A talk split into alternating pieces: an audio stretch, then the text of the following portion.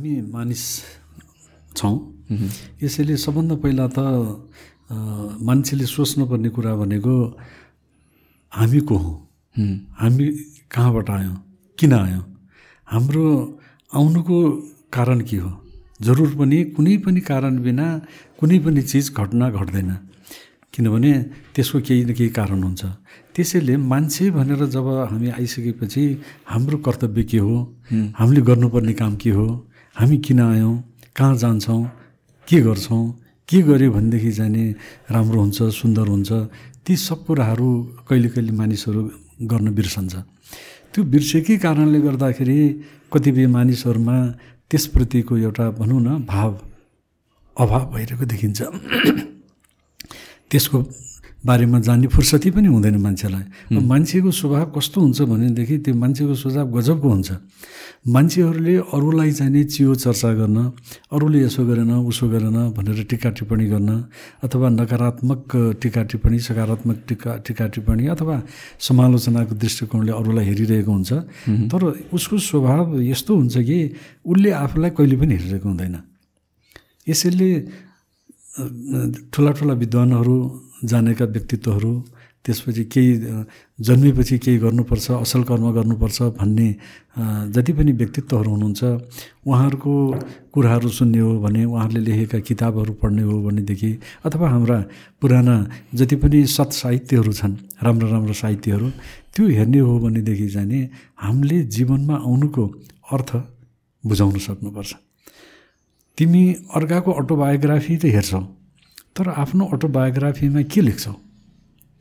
तिनी लेख्नै नहुने कलमै चलाउन नहुने कुरा लेखेर बस्ने हो र? त्यहाँ त जाने अटोबायोग्राफीमा जसरी अरूको अटोबायोग्राफी हेरेर प्रभावित हुन्छ कोही व्यक्ति एउटा युवा प्रभावित हुन्छ उसले त्यो अटोबायोग्राफीबाट अगाडि बढ्नलाई प्रेरणा पाउँछ। किनभने मानिस मान्छेको जीवनमा एउटा सानो कुराले क्लिक गर्दै हुन्छ। त्यो क्लिक भइसकेपछि यति सानो कुरा हुनसक्छ त्यो अब जसको लागि चाहिँ मान्छेले बिसौँ वर्ष समय खेर फालिरहेका हुन सक्छन्। अथवा बुझेकै हुँदैनन्। यसैले त्यो क्लिक कतिखेर हुन्छ त भन्दाखेरि म अहिले मानिस भएर जन्मेको छु म मानिस भएर जन्मेको हुनाले मैले गर्ने के त? भन्नेबाट उसले सुरु गर्यो भने जीवनको पहिलो स्टेप त्यसैबाट सुरु गरेर अनि उसले त्यो खुड्किला उक्लिँदै उक्लिँदै उक्लिँदै गएर अगाडि बढ्दै गयो भने जीवनमा उसले साँच्चै नै अटोबायोग्राफी लेख्छ। किनभने उसले त्यसपछि चाहिँ आफूप्रति एउटा सजगता पाउँछ सतर्कता पाउँछ। त्यो सतर्क सतर्क सतर्कताको कारणबाट उसले गलत काम गर्नबाट आफूलाई पन्छाउँछ। र चाहिँ नि जीवन भनेको जे पनि हो जे गरे पनि हुन्छ खा खाउँ पिउँ मोज गरौँ मस्ती गरौँ जीवन भने यही त हो नि भनेर भन्ने आजकल त्यो सोच आएको छ। अब यस्तो सोच अहिले मात्रै होइन पहिला पनि थियो। अब पहिला पहिला एकजना असाध्य प्रसिद्ध चाहिने दार्शनिक थिए चारबाग भन्थे तिनलाई चारबाग दर्शन। अब त्यो चारबाग दर्शनको उद्देश्य पनि के थियो भने एकपटक आएका छौँ जन्मेका छौँ त्यसैले भने ईश्वर छ कि छैन मलाई थाहा पनि छैन त्यो देखा पनि छैन त्यसैले नदेखा चिजलाई किन मानिराख्नु पऱ्यो र मैले यसैले खाऊ पिउ मोज गर मस्ती गर। ऋण गरेर भए पनि ऋणम कृत्व घृतम प्रिभेद भन्ने एउटा प्रसिद्ध उक्ति नै छ। ऋण गरेर भए पनि घिउ खाऊ। भनेको चाहिँ ऋण गरेर भए पनि चाहिँ मोज मस्तीमा चाहिँ पछि नहट भन्ने उनको सिद्धान्त थियो। अब तर त्यो एउटा दर्शनको लागि मात्रै काम लाग्यो। त्यो दर्शनले समाजमा त्यति बेला चाहिने ख्याति प्रख्याति पाउन सकेन। मात्र एउटा आलोचनाको लागि टिका टिप्पणीको लागि त्यो दर्शनलाई अहिले पनि मान्छेहरूले चर्चा गर्ने गर्छन्। यसैले जीवनमा साँच्चै नै आफूले के गर्ने हो भनेदेखि आजैदेखि अहिलेदेखि तत्कालैदेखि हामीले मेरो पनि भविष्यमा केही अटोबायोग्राफी बन्छ होला। मैले लेख्नुपर्ने हुन्छ होला। त्यो अटोबायोग्राफी लेख्दाखेरि कालै काला कुराहरू लेख्ने कि असल कुराहरू लेख्ने? त्यो असल कुराहरू लेख्ने हो भनेदेखि मैले आजैदेखि राम्रो काम गर्नुपर्दो रहेछ भन्ने सम्झेर अगाडि बढ्ने हो भनेदेखि हरेक व्यक्तिले केही न केही तरक्की केही न केही राम्रो काम केही न केही चाहिँ असल कुराहरू गर्न सक्छ। तर अब त्यो यहाँ अहिलेको समय कस्तो छ भने त्यो सिकाउने ठाउँै छैन। अहिले हामीलाई शिक्षा कस्तो दिएको छ भनेदेखि खालि इन्फर्मेटिभ शिक्षा मात्रै दियो। इन्फर्मेटिभ शिक्षा भनेको चाहिँ नि त्यो जीवनको एक क्षणसम्मलाई काम लाग्छ। अब जस्तो कोही जागिर खाने होला त्यो जागिर खाने भएको हुनाले उसको जागिरको अवधिसम्म प्रमोसन हुनको लागि अथवा ग्रेड थपिनको लागि अथवा अरूलाई खुसी पार्नको लागि उसले भरमगदुर प्रयत्न गरेर त्यो इन्फर्मेसनहरू प्राप्त गर्छ जाँचमा पास हुँदै पनि जान्छ पदोन्नति पनि हुँदै जान्छ सबै जान्छ। तर त्यो जीवनको एउटा समय पुगेपछि अब जस्तो कुनै बखतमा अन्ठाउन्न वर्ष कुनै बखतमा साठी वर्ष कुनै बखतमा पैँसठी वर्ष एउटा उमेरमा पुगेपछि त अवकाश पाउँछ। अनि त्यो अवकाश अवकाश पाइसकेपछि के गर्ने त भन्दाखेरि उसँग जीवनमा गर्ने कुरा नै केही छैन। ऊ यसै अल्मलेर बसिरहेको हुन्छ। यसैले धेरैजसो मानिसहरू के भन्छन् भने कसैको रिटायरमेन्ट भइसकेपछि त्यो मान्छे कति बाँच्छ त भन्दाखेरि अहिलेसम्मको अनुसन्धानबाट करिब करिब सातदेखि दस वर्ष बाँच्दैन रहेछ। त्योदेखि बढी बाँच्दैन। यसैले त्यो जो चाहिने अटोबायोग्राफी राम्रो लेख्ने चाहिने एउटा व्यक्ति हुन्छ ऊ चाहिँ नि उसको जीवनमा सधैँ चाहिने त्यो चौबिस घन्टा भन्ने जुन हुन्छ यो चौबिस घन्टा चौबिस घन्टा नभएर अडचालिस घन्टा भइदिएको भएदेखि म कति लेख्थेँ अझ? अझ कति काम गर्थेँ? कति चाहिने सेवा गर्थेँ? भन्ने त्यो भावले काम गरिरहेको हुन्छ। यसैले हामीले सबभन्दा पहिला नै बुझ्नुपर्ने कुरा जीवनमा के हो भनेदेखि म को हुँ किन आएँ? र मैले गर्ने काम के हो? भन्ने त्यो चाहिँ प्रश्न त्यो जिज्ञासा आफैले आफैमाथि गर्न सक्यो भनेदेखि त्यो अत्यन्त उत्तम हुन्छ। र त्यसको लागि चाहिँ नि सुरुवात उसैले गर्ने हो किनभने एउटा शिक्षकले एउटा गुरुले एउटा जाने बाटो देखाउने पुरुषले मात्र एउटा बाटो देखाइदिने हो। त्यसपछि त्यसमा लाग्ने त व्यक्ति नै हो। यसैले त्यो व्यक्तिमा ती कुरा बुझ्न सक्यो भनेदेखि उसले चाहिँ नि आफ्नो गन्तव्यलाई प्राप्त गर्न सक्छ। अनि हामीले बुझ्नुपर्ने कुरा के हो भने सफलता मात्रै जीवन होइन। अब अहिले धेरै जसो चाहिँ गलत फहमी के छ भनेदेखि मान्छेहरू सफलता प्राप्त भयो कि सबै कुरा सकियो भन्छन्। सफलता त सजिलो छ। आधा घन्टा पन्ध्र मिनट पाँच मिनट दस मिनट अथवा एक घन्टाको चाहिँ ट्रेनिङ लिने हो भने कुनै पनि कुरामा सफलता पाइन्छ। सफलता जीवन होइन। त्यसमा हामीले असलता ल्याउन सक्यौँ भने बल्ल जाने त्यो एउटा लक्ष्यमा पुग्छौँ डेस्टिनेसनमा पुग्छौँ। यसैले सफलता चाहिने एउटा बाटो हिँड्दै गर्दाखेरिको एउटा जाने कुनै स्टपेज त हो त्यो। तर त्यो नै सर्वस्व होइन। त्योभन्दा माथि अर्कै छ त्यो भनेको चाहिँ नि असलपन असलता र चाहिँ नि एउटा प्राप्त गर्नुपर्ने कुराको चाहिँ नि प्राप्ति त्यो भनेको चाहिँ जीवनमा प्राप्ति गर्नु भनेको चाहिँ सधैँ असल कुराको प्राप्ति हो। खराब कुराको प्राप्ति गर्न कोही पनि मान्छेले चाहेको हुँदैन। यसैले त्यो दृष्टिकोणको झन् शिक्षा दीक्षा हुन सकेदेखि राम्रो हुन्थ्यो। तर अब अहिले हाम्रो अघि मैले भने हाम्रो शिक्षा कस्तो छ भन्दाखेरि इन्फर्मेटिभ एजुकेसन खालि इन्फर्मेसन मात्रै दिने त्यो छ। जीवनसँग जोडिएको शिक्षा हामीले दिन सकेनौँ। जीवनसँग जोडिएको भनेको हरेक व्यक्ति जन्मना साथ त्यो एउटा घरमा जन्मन्छ। घर भन्न साथै एउटा समाज हुन्छ। समाज भन्न साथै उसको एउटा जाने त्यहाँ विभिन्न किसिमको संस्कार होला परम्परा होला रीतिस्थिति होला संस्कृति होला अनि तिनै कुराहरूबाट भविष्यमा गएर बन्ने सभ्यता हो। होइन? ती सबै कुराहरू चाहिँ उसले सिक्न पाएदेखि जान्न पाएदेखि त्यसको अर्थ बुझ्न पाएदेखि उसले जीवनमा जाने त्यसको महत्त्व बुझ्थ्यो। तर हामी कहाँ? त्यो किसिमको शिक्षा दीक्षाको प्रचारै भएन। अब हामी कहाँ त्यो किसिमको शिक्षा दीक्षा कहाँ पाइन्छ भन्यो भनेदेखि संस्कृत पढ्नुपर्छ भनिदिन्छौँ। त्यो गलत कुरा हो। किनभने संस्कृतमा धेरै चिज छ। संस्कृत भनेको चाहिँ विद्याको सागर हो विद्याको भण्डार हो। त्यहाँ सहस्रौँ कुराहरू छ नपाइने होइन। तर अहिले संस्कृत पढाइ त हुँदैन। त्यो संस्कृत भने पनि अब अहिले त खालि एउटा कलेजमा पठाउने पढ्ने अथवा एउटा विश्वविद्यालयमा पढ्ने मात्रै भयो। त्यो पनि फेरि काहीँ चाहिँ गुरुकुल भनेर पढाइरहेको छ। त्यहाँ पढ्न कसले पाउँछ त भन्दा त्यहाँ निश्चित एउटा वर्णले मात्रै पाउँछ। सबैले पढ्न पाउँदैनन्। त्यसैले अहिलेको समयमा जान्ने हो भनेदेखि असल कुराहरू सिक्नको लागि सबैलाई समान अवसर। अब जस्तो साधारण स्कुलमा पनि गभर्मेन्टको चाहिँ सामुदायिक स्कुलमा पनि बोर्डिङ स्कुलहरूमा पनि उसको जीवनको मूल्यप्रति भ्यालुजप्रति उसको जीवनको मूल्य के हो भन्ने किसिमको चाहिँ शिक्षा दिन सकेदेखि राम्रो हुन्थ्यो। त्यो अहिले चाहिँ नि नहुनाको कारणले गर्दा अहिले हामी जताततै के देखिरहेछौँ भने यता मठ मन्दिर भत्किरहेका छन् यता सम्पदाहरू नासिरहेका छन् उता असरल्ल अवस्थामा व्यवहारिक अवस्थामा फैलिरहेका छन् ती सबैको एउटा कारक तत्त्व भनेको चाहिँ हामीले हाम्रो चिजलाई बुझ्न सकेनौँ। उदाहरणको लागि भगवान् पशुपतिनाथको मन्दिर छ। त्यस्ता धेरै मन्दिरहरू नेपालमा छन्। अब मुक्तिनाथको मन्दिर छ होइन? अब एक सय एक मन्दिरहरू हामी कहाँ छन्? नाथै नाथ बस्नुभएको छ। गोरखनाथ मच्छेन्द्रनाथ पशुपतिनाथ मुक्तिनाथ नाथै नाथहरू हुन्छ तर नाथै नाथ हुँदाखेरि पनि हामी नेपालीहरू चाहिँ अनाथ जस्तो भएको छौँ। किनभने केही बुझ्नै सकिरहेका छैनौँ बुझ्नै पाइरहेका छैनौँ। अब जस्तो भनौँ पशुपतिनाथको मन्दिर यहाँ छ। नेपालमा छ त्यो हामी नेपालीहरूको लागि चाहिँ सौभाग्य हो। त्यो हाम्रो लागि चाहिँ अहभाग्य हो। किनभने भगवान् शिवको नामबाट जुन मन्दिर बन्यो र भगवान् शिवको शिवलिङ्ग स्वरूपको पहिलो स्थापना नै त्यही पशुपति क्षेत्रमा त्यही भगवान् पशुपतिनाथको ठाउँमा भएको हो। संसारमा फर्स्ट नै त्यही हो। कहीँ छैन। किनभने पशुपतिनाथ भन्ने चाहिँ कहीँ पनि छैन। अब पशुपतिनाथ भनेको के त भन्दाखेरि अब धेरैजसो मानिसहरू के सम्झिन्छन् भने पशुपतिनाथ।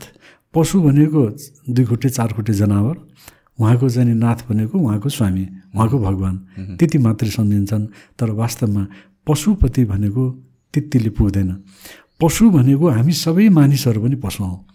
जबसम्म हामीमा ज्ञान हुँदैन जबसम्म हामीमा चेतना हुँदैन जबसम्म हामीमा विवेक हुँदैन जबसम्म हामीमा बुद्धि हुँदैन तबसम्म हामी पनि पशु हौँ। किनभने मानिस पशु नै हो। सर्वोत्कृष्ट पशु। किनभने सामान्य पशु र मानिसमा केही फरकै छैन। एउटा संस्कृतमा अत्यन्त प्रसिद्ध उक्ति पाइन्छ आहार निन्द्रा भय मैथुनस्स समान एतत् पशुभि नराणाम। धर्मो हि तेसाम मदिको विशेषो धर्मेण हिना पशुभि समान। त्यसको अर्थ के हो भने आहार निन्द्रा भय मैथुन। आहार भनेको भोक लाग्ने पशुमा पनि हुन्छ मान्छेमा पनि हुन्छ। निन्द्रा पशुलाई पनि लाग्छ मानिसलाई पनि लाग्छ। सन्तान उत्पत्ति गर्ने इच्छामा त्यो बायोलोजिकल निड्स स्वरूप पशुमा पनि हुन्छ मान्छेमा पनि हुन्छ। अनि डर उसलाई पनि हुन्छ मान्छेलाई पनि हुन्छ। अनि फरक के छ त भन्दाखेरि बुद्धि र विवेक। त्यो बुद्धि र विवेकयुक्त भएर केही काम गर्न सकियो भने त्यसको नाम नै धर्म हो। अनि धर्म भनेको हिजो आज हामी मान्छेहरूमा कस्तो भएको छ भने धर्म भनेको कुनै मन्दिरमा जाने त्यहाँ गएर चाहिँ दर्शन गर्ने टिका टालो लाउने त्यसपछि चाहिँ म एक थरी जाने म गृहस्थमा छैन म जाने सन्यास सन्यास सन्यास्त भएको छु भन्ने रातो निलो पहेँलो सेतो अनेक थरी कपडा लगाउने कपाल मुण्डन गर्ने अथवा दाढी जुना पाल्ने टिका चन्दन लगाउने उर्दोपुण्ड वा चाहिँ त्रिपुण्ड लगाउने त्यो भएपछि चाहिँ एकदम धार्मिक व्यक्ति भयो देवत्वको स्वरूप भयो भन्ने हामी सम्झिरहेका छौँ। त्यति मात्रै धर्म होइन। धर्म भनेको त असल कर्म। जति पनि हामी असल कर्म गर्छौँ त्यसको नाम हो धर्म। कर्म मात्रै धर्म हुन सक्दैन। कर्म त त्यो नचाहिने कुरालाई पनि कर्म भन्छौँ चाहिने कुरालाई पनि कर्म भन्छौँ। तर धर्म भन्ने कर्म भने कुन हो त भन्दा सुकर्म। त्यो कर्मको अगाडि सु जोडियो भने सुकर्म असल कर्म। त्यो असल कर्म जोडियो भने त्यसको नाम हो धर्म। यसैले धर्म भनेको दया माया करुणा अहिंसा सत्य इमान्दारिता सत्य चरित्रता सद्भावयुक्त जीवन। यति जति पनि राम्रा गुणहरू छन् मानिसको जीवनको लागि जति पनि राम्रा गुणहरू हुनसक्छन् ती गुणहरू यदि भयो भने ती मान्छे धार्मिक रहेछ भन्नुपर्ने हुन्छ। तर हामी कहाँ उल्टो के भइरहेको छ भने धर्म भनेको त्यो त्यो कुरा भन्दा पनि मन्दिरमा जान्छ कि जाँदैन चैत्य गुम्बामा जान्छ कि जाँदैन व्रत बस्छ कि बस्दैन अथवा यो गर्छ गर्दैन भनेर कर्मकाण्डलाई हामीले ज्यादा ध्यान दिउँ कर्मकाण्ड मात्रै धर्म होइन। त्यो एउटा सानो जसरी विद्यालयमा जाँदा कलेजमा जाँदा कुनै विषयमा चाहिँ अगाडि नै केही न केही ज्ञान प्राप्त गर्नुपर्छ। यदि अल्फाबेट जानेन भनेदेखि त्यहाँ गएर स्कुलमा गएर केही जानिँदैन भने जस्तै तिनीहरू पनि एउटा स्कुलमा जानु अगाडिको अल्फाबेट सिकेको जस्तो चाहिँ स्टेप त हो सिँढी त हो तर त्यो नै लक्ष्य होइन त्यो नै जीवन होइन त्यो नै धर्म होइन। यसैले जीवनमा कोही मान्छेले मैले कति धर्म गरेका छु भनेर सम्झिने हो भने उसले कति असल काम गर्यो त? नहुनेलाई उसले कति सहयोग गर्यो होइन?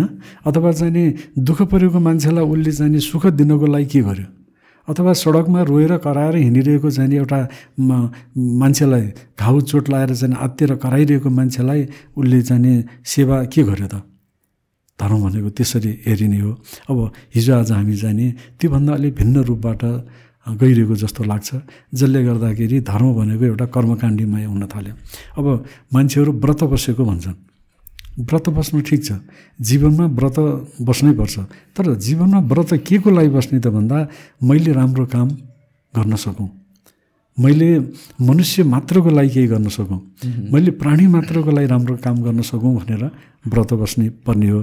तर हिजो आज मानिसहरू कस्तो सम्झिन्छ हुन्छ भने म साउन महिनाभरि व्रत बसिरहेको छु। साउन महिनामा चाहिँ मैले माछा मासु जाँड रक्सी केही खाने गरेको छैन। अरू बेला त फेरि मजासँग खान्छु भन्छौँ हामी। त्यति मात्र व्रत होइन। व्रत भनेको त जीवनमा एउटा सङ्कल्प हो त्यो। एउटा दृढ सङ्कल्प सत्सङ्कल्प। त्यो सङ्कल्प लिइसकेपछि जीवनमा जाने असल कर्म गरेर देखाउने। यदि घरमा जाने भनौँ न अशान्त छ भने पनि त्यो घरमा उसले शान्ति कायम गराइदिएर सुरु गराइदिने। हामी धर्म भनेको खालि आफ्नो एउटा व्यक्तिगत जीवनमा मात्रै होइन त्यसलाई सामूहिक रूपमा त्यसमा चाहिँ समष्टि रूपमा पनि हेर्नुपर्ने हुन्छ। एउटा धार्मिक व्यक्ति असल व्यक्ति त्यसको अर्थ हुन्छ त्यो घर परिवारमा भयो भने त्यो घर परिवार नै सुन्दर हुन्छ। त्यहाँ चाहिँ आनन्दको माहौल हुन्छ। त्यस्तै त्यस्तो व्यक्ति समाजमा भयो भने समाज पनि त्यत्तिकै राम्रो हुन्छ असल हुन्छ। अनि त्यही व्यक्ति एउटा अफिसमा गयो भनेदेखि अब मैले अघि नै भनिसकेँ धर्म भनेको दया माया करुणा इमान्दारी सच्चरित्र भ्रष्टाचार नगर्ने गलत काम नगर्ने त्यस्ता मान्छेहरूलाई धार्मिक भन्नु हुन्छ। अनि त्यस्तो व्यक्ति एउटा अफिसमा गएपछि त्यो अफिसको माहौलै अर्को हुन्छ। त्यो व्यक्ति राजनीतिमा गयो भने राजनीतिको माहौलै अर्को हुन्छ। तर हामी कहाँ अहिले धर्मलाई त्यति विधि महत्त्व नदिएर त्यो त्यसको चाहिँ रूढ रूपलाई मात्रै महत्त्व दिन थाल्दाखेरि अहिले के भइरहेको छ त भन्दाखेरि एउटा टिका लगाएर हिँड्ने अथवा चाहिँ धार्मिक हुँ भनेर हिँड्ने मान्छे पनि भ्रष्टाचारमा लिप्त भइरहेको छ अथवा नचाहिने काममा लिप्त भइरहेको छ। हामीले धेरैको नाम लिनै पर्दैन। टेलिभिजन हेरिरहेका छौँ मिडियामा आइरहेका छन्। साधु भन्नेहरूले के गरे सन्त भन्नेहरूले के गरे साधु र सन्त जस्तो शब्द यति आदरणीय शब्द यति मान्य शब्द हो त्यो। यति हामीले मान मर्यादा गर्नुपर्ने शब्द हो। त्यो शब्दलाई नै आक्षेप हुने गरेर अब हिजो आजका हाम्रा ती धोती लगाएकाहरू दाडी जुङ्गा पालेकाहरू टिका चन्दन लगाउनेहरूबाट के के काम भइरहेको छ त्यसलाई हेर्दाखेरि कहिले कहिले मलाई लाग्छ युवा पुस्ताले के सम्झने होला धर्म भनेको। यस्तै जाने गलत कामलाई नै धर्म भनेर सम्झिने। यो यही नै हो धर्म। भन्ने पनि कहिले कहिले वितृष्णा आउँछ आउँछ होला जस्तो लाग्छ तर वास्तवमा त्यो हामीले नबुझेको बुझाउन नसकेको हो। धर्म भनेको कर्मकाण्ड होइन। धर्म भनेको चाहिँ त्यो बाहिरी आभूषण होइन परिधान होइन बाहिरी देखावटी रूप होइन। धर्म भनेको त त्यो अन्तर हृदयमा उसको भावना कस्तो छ? ऊ कस्तो छ? उस उसप्रति दया माया करुणा इमान्दारिता सच्चरित्र कति सच्चरित्रता कति छ? त्यसमा भर पर्ने कुरा हो। यसैले धर्मलाई हामीले त्यस रूपबाट हेर्न थाल्यौँ भने हामी व्यापक भन्न थाल्छौँ। किनभने हाम्रो सनातन परम्परा हाम्रो सनातन धर्म संस्कृतिको परम्परा के हो भनेदेखि सबैमा ईश्वरको रूप छ। ईसा भाष्य मिदम सर्वम यत्किन्च्याम जगत्याम जगत भन्ने त उपनिषद्को पहिलो मन्त्र नै त्यही छ। त्यसको अर्थ हुन्छ हरेक ठाउँमा ईश्वर हुनुहुन्छ। ईश्वर यसरी व्यापक हुनुहुन्छ कि कहाँ हुनुहुन्न उहाँ? यहाँ हुनुहुन्छ त्यहाँ हुनुहुन्छ उहाँ हुनुहुन्छ सर्वत्र हुनुहुन्छ। यसैले कतिपय हाम्रो भगवान्को मूर्तिको स्वरूप पनि चारैतिर हुन्छ। अब जस्तो पशुपतिनाथको उहाँको चाहिँ मुहार देख्ने भयो त हामी पाँचवटा देख्छौँ तर तल उधो रूपमा पनि छ। छवटा देखिन्छ। त्यो छवटा मुख भनेको चाहिँ नि ईश्वर सर्वव्यापक हुनुहुन्छ। उहाँको मेनिफेस्टेसन भनेको सर्वत्र छ। भनेर देखाउनको लागि त्यो जाने मूर्ति कलाकारहरूले अथवा हाम्रो पूर्वजहरूले अथवा हाम्रा ऋषि महर्षिहरूले त्यसको परिकल्पना गरे। यसैले धर्मलाई हामीले सही रूपमा बुझ्ने हो भनेदेखि कैयौँ कुराहरूको समस्याको समाधान निक्लन्छ। त्यो समाधान भनेको चाहिँ नि त्यो सबैको लागि चाहिएको छ जस्तो चाहिँ नि हरेक परिवारको आमा बाबुलाई चाहिँ नि एउटा असल छोरा या छोरी कसलाई नचाहिएको होला। तर हामीले त्यो धर्म सिकायो कि सिकाएनौँ। हामीले कुन चाहिँ नि धर्म सिकायौँ? धर्म भनेको खालि मठ मन्दिरमा जाने टिका चन्दन लाउने अनि यसो एक दुईवटा चाहिँ कर्मकाण्ड गर्ने त्यही मात्रै धर्म सिकायौँ भने त्यो पुगेको छैन।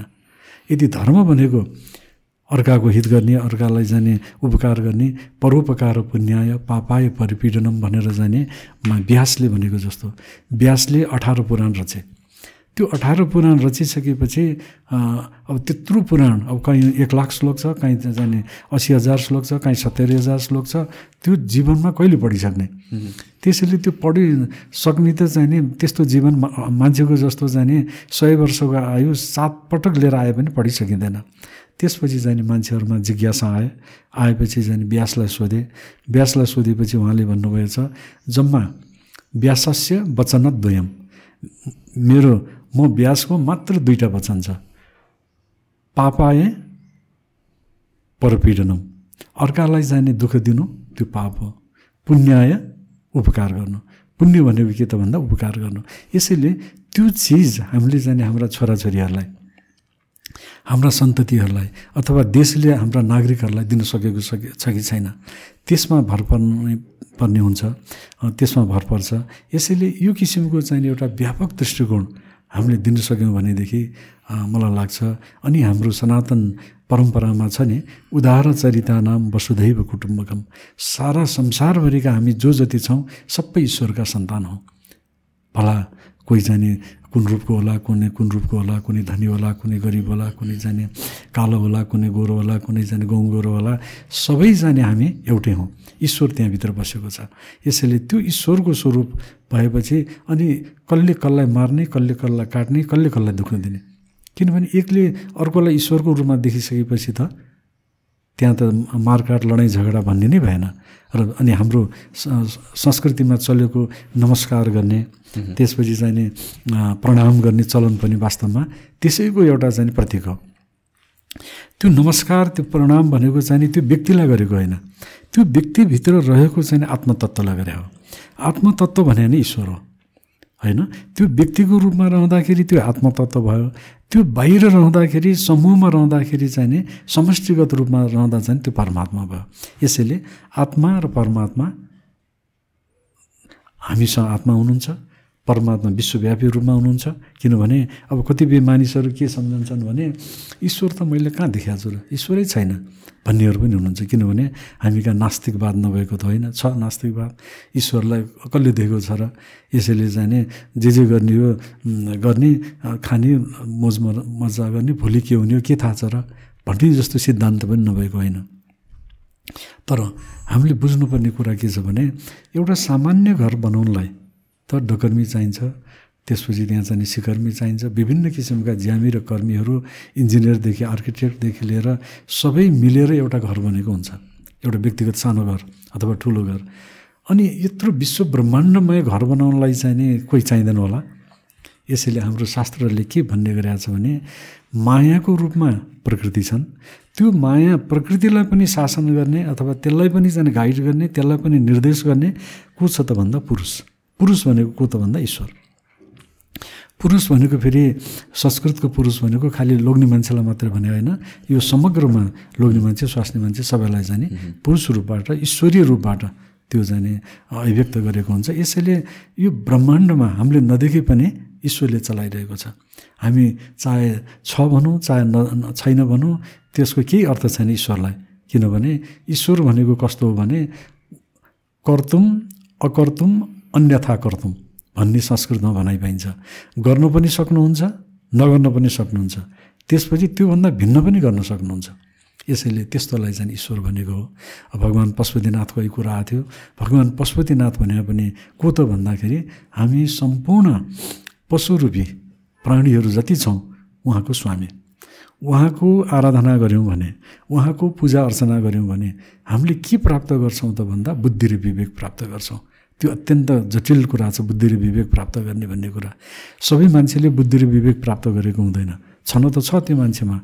तर त्यो बुद्धि र विवेकको प्रयोग गर्न नजान्दाखेरि के भइरहेको हुन्छ त भन्दाखेरि एउटै व्यक्ति पनि राक्षस भनिरहेको हुन्छ। किनभने हरेक व्यक्तिभित्र दैवी शक्ति र त्यो राक्षसी शक्ति स्वभाव छ। यदि उसले ईश्वरीय शक्तिलाई ईश्वरीय तत्त्वलाई अथवा चाहिँ आफूलाई बुझ्न सक्यो भने उसले दैवी स्वभावलाई दैवी दैवी स्वरूपलाई अगाडि ल्याउँछ। यदि जानेन भने अनि त्यही व्यक्ति चाहिँ राक्षस बन्न जान्छ। हाम्रो समाजमा हामीले जाने रामायण पढ्छौँ महाभारत पढ्छौँ विभिन्न दैत्यहरूका कुरा सुन्छौँ। रावणदेखि लिएर कुम्भकर्णदेखि लिएर अनेक दैत्यहरूको कंशदेखि लिएर अनेक दैत्य सुम्ब निसुम्ब आदि इत्यादिको सुन्छौँ। तर वास्तवमा दैत्य हरेक व्यक्तिभित्रै छ। यदि उसले जीवनलाई बुझ्यो भने उसले आफूलाई ईश्वरीय रूपमा अभिव्यक्त गर्न सक्छ। यदि जानेन भनेदेखि चाहिँ फेरि त्यही व्यक्ति राक्षस बन्छ। त्यही व्यक्ति चाहिँ ले अनेक किसिमको चाहिँ नचाहिँदो काम गर्छ अनेक किसिमको चाहिँ सम्हार गर्छ। यसैले हामी कस्तो भन्ने त्यो छान्ने कसले त भन्दा व्यक्तिले नै हो। अब त्यो छान्नको लागि हामीलाई चोइस भए हुन्थ्यो। त्यो चोइस चाहिँ हामीले देखिरहेका छैनौँ। त्यो चोइस नहुँदाखेरि चाहिँ कहिले कहिले समाजमा अप्ठ्यारो परिरहेको हामी अनुभव गर्न पाउँछौँ। यसैले त्यो जुन चोइस छ मैले चाहिँ पढ्दाखेरि कुन पढ्ने त? अथवा सिक्नु पऱ्यो भनेदेखि चाहिँ कहाँ के सिक्ने त? भन्ने कुराहरूको चाहिँ चोइस हुन सक्यो हुन्थ्यो। त्यो किसिमको चोइस हाम्रो चाहिँ समाजमा हाम्रो शिक्षाको क्षेत्रमा भइरहेको छैन। त्यसले गर्दा मलाई लाग्छ अहिले धेरै जसो युवाहरूमा चाहिँ अलमल छ। अब के गर्ने? कसो गर्ने? के के भन्ने? भन्ने कुरामा चाहिँ अलमल देखिरहेको देखिन्छ। यसैले त्यो अलमललाई हटाउनुको लागि हाम्रो हामीले शिक्षाको माध्यमबाट नै तलैदेखि नै हरेक विद्यालयलाई उसको चाहिने उमेरको आधारमा उसको चाहिँ पढाइको ग्रेडको आधारमा असल कुराहरू सिक्नको लागि त्यस्तै किसिमको पाठ्यक्रमहरू पाठ्य पुस्तकहरू दिन सक्यौँ। भनेदेखि घरमा पनि अनिखेरि आमा बाबुले आफ्ना केटाकेटीहरूलाई त्यही किसिमको शिक्षा दिन सक्छन्। किनभने शिक्षा भन्ने कुरा सबभन्दा पहिला त उसले घरमा पाउँछ। घरमा पनि सबभन्दा पहिला आमाबाट पाउँछ। र आमा पहिलो शिक्षक हुन्। त्यसपछि मात्रै चाहिँ बुढा हुन् त्यसपछि मात्रै स्कुलका कलेजका विश्वविद्यालयका शिक्षक हुन्। यसैले घरबाटै हामीले जाने असल शिक्षा दिने क्रममा जाने दिने हो भनेदेखि हामीले त्यही किसिमको चरित्र निर्माणको लागि कर्महरू गर्नुपर्ने हुन्छ कामहरू गर्नुपर्ने हुन्छ। अब त्यो अहिले छैन अब जस्तो कुनै जमानामा नैतिक शिक्षा भन्ने थियो। भ्यालु बेस एजुकेसनहरू दिने भन्ने चलन थियो। अब त्यो पनि अहिले नभइरहेको अवस्था छ।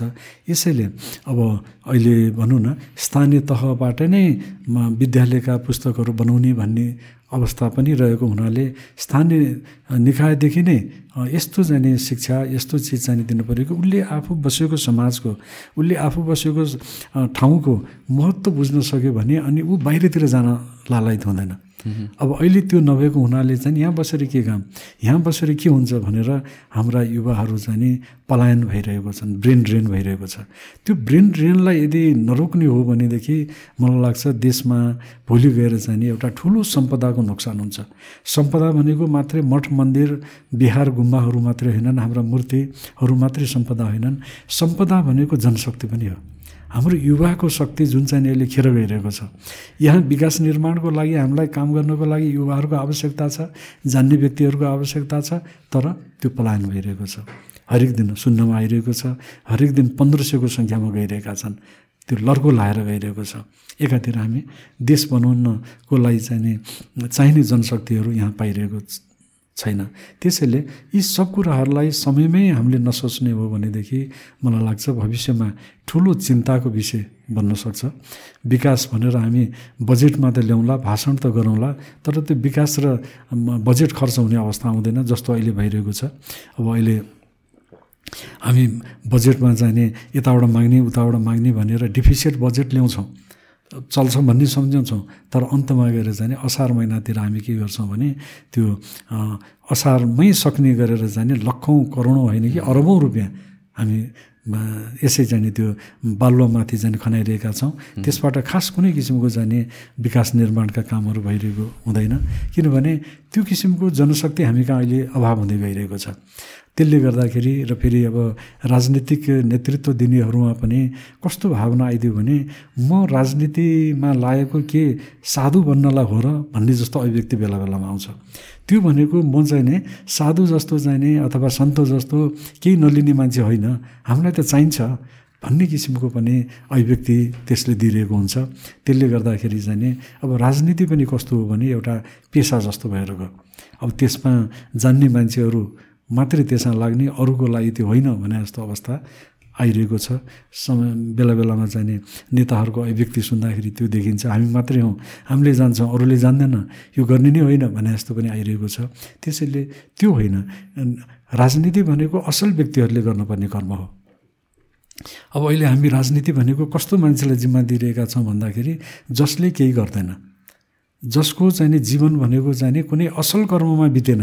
खराब कर्ममा बित्यो। अब हुन त कतिपय व्यक्तिहरूले त्यो खराब कर्मलाई हामीले जनताको लागि गरेको राजनीतिको लागि गरेको परिवर्तनको लागि गरेको भन्नु होला त्यो आफ्नो ठाउँमा होला।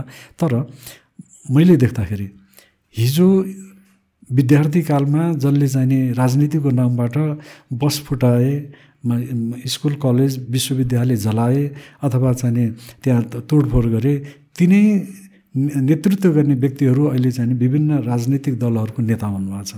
तिनै मन्त्री प्रधानमन्त्री भन्नुहुन्छ। अब त्यस्तो व्यक्तिबाट हामी चाहिँ नि राम्रो काम हुन्छ भनेर आशा गरेर बसिरहेका हुन्छौँ। त्यो नै गलत छ।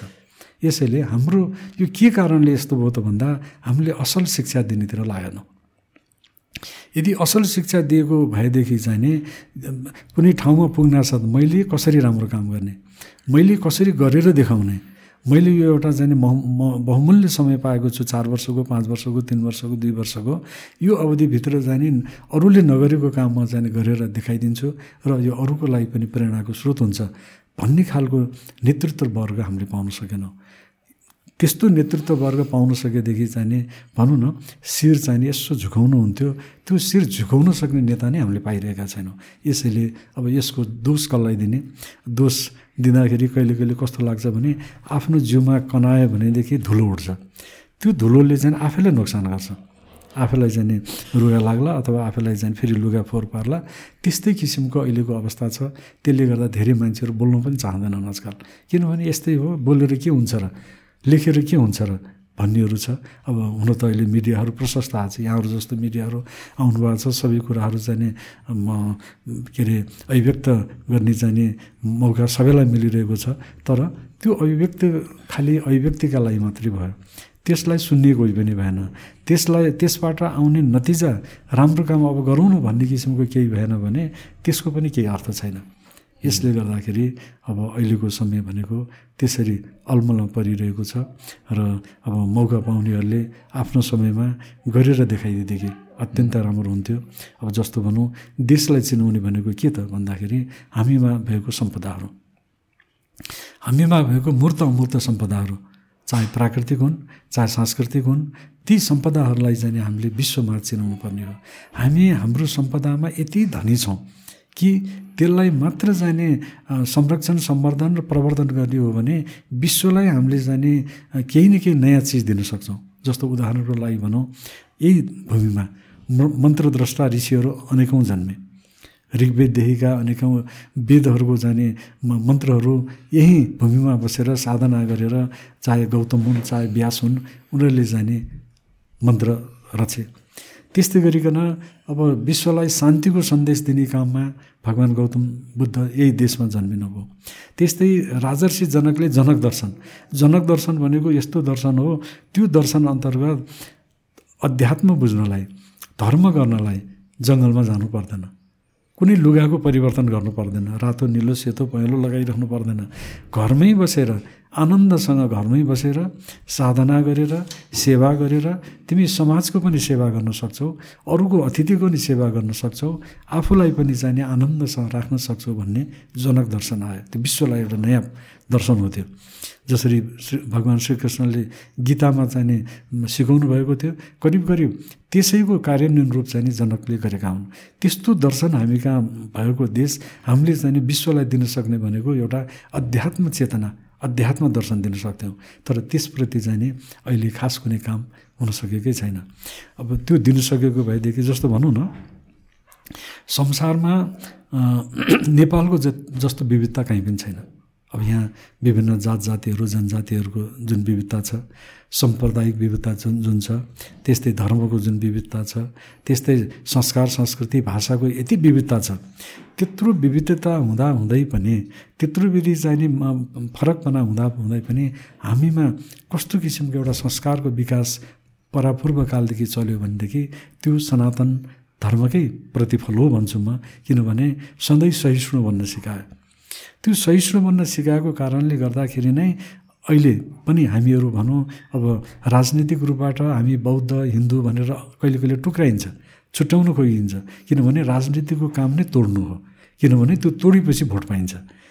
तर अध्यात्मले तोड्दैन जोड्छ त्यसैले त्यो जोड्ने काम अध्यात्मले जुन गरिरहेको छ त्यसकै कारणबाट अहिले पनि हामी हेरौँ जस्तो चाहिँ मठ मन्दिरहरूमा जाउँ भगवान् पशुपतिनाथकै मन्दिरमा हेर्ने हो भने पनि कार्तिक शुक्ल चतुर्दशीमा पशुपतिनाथको पूजा हुन्छ। त्यसलाई जाने कैलाश कुसुमारोहण पनि भन्छन् र त्यसपछि छाया दर्शन पनि भन्छन्। भगवान् शिवजीको त्यो जुन शिवलिङ्ग छ त्यो शिवलिङ्गमा चाहिँ बाँसको कप्टेरोहरू राखेर विभिन्न किसिमले चाहिँ त्यो कैलाशमा भएको जस्तो चाहिँ फुलको स्वरूप जस्तो निकालेर त्यो मुकुट भइरहन्छ। त्यसपछि चाहिँ त्यहाँ छाया दर्शन हुन्छ। त्यो छाया दर्शन कसले गर्ने त भन्दा जति पनि साक्य वज्राचार्यहरू छन् उहाँहरू त्यहाँ पानी जमाएको हुन्छ। त्यसको दर्शन गर्न जान्छन्। त्यो दर्शन गरिसकेपछि चाहिँ लोकेश्वरको दर्शन भयो भन्ने सम्झन्छन् र भगवान् पशुपतिनाथलाई पनि जाने लोकेश्वरको रूपमा उनीहरूले ल्याएछन्।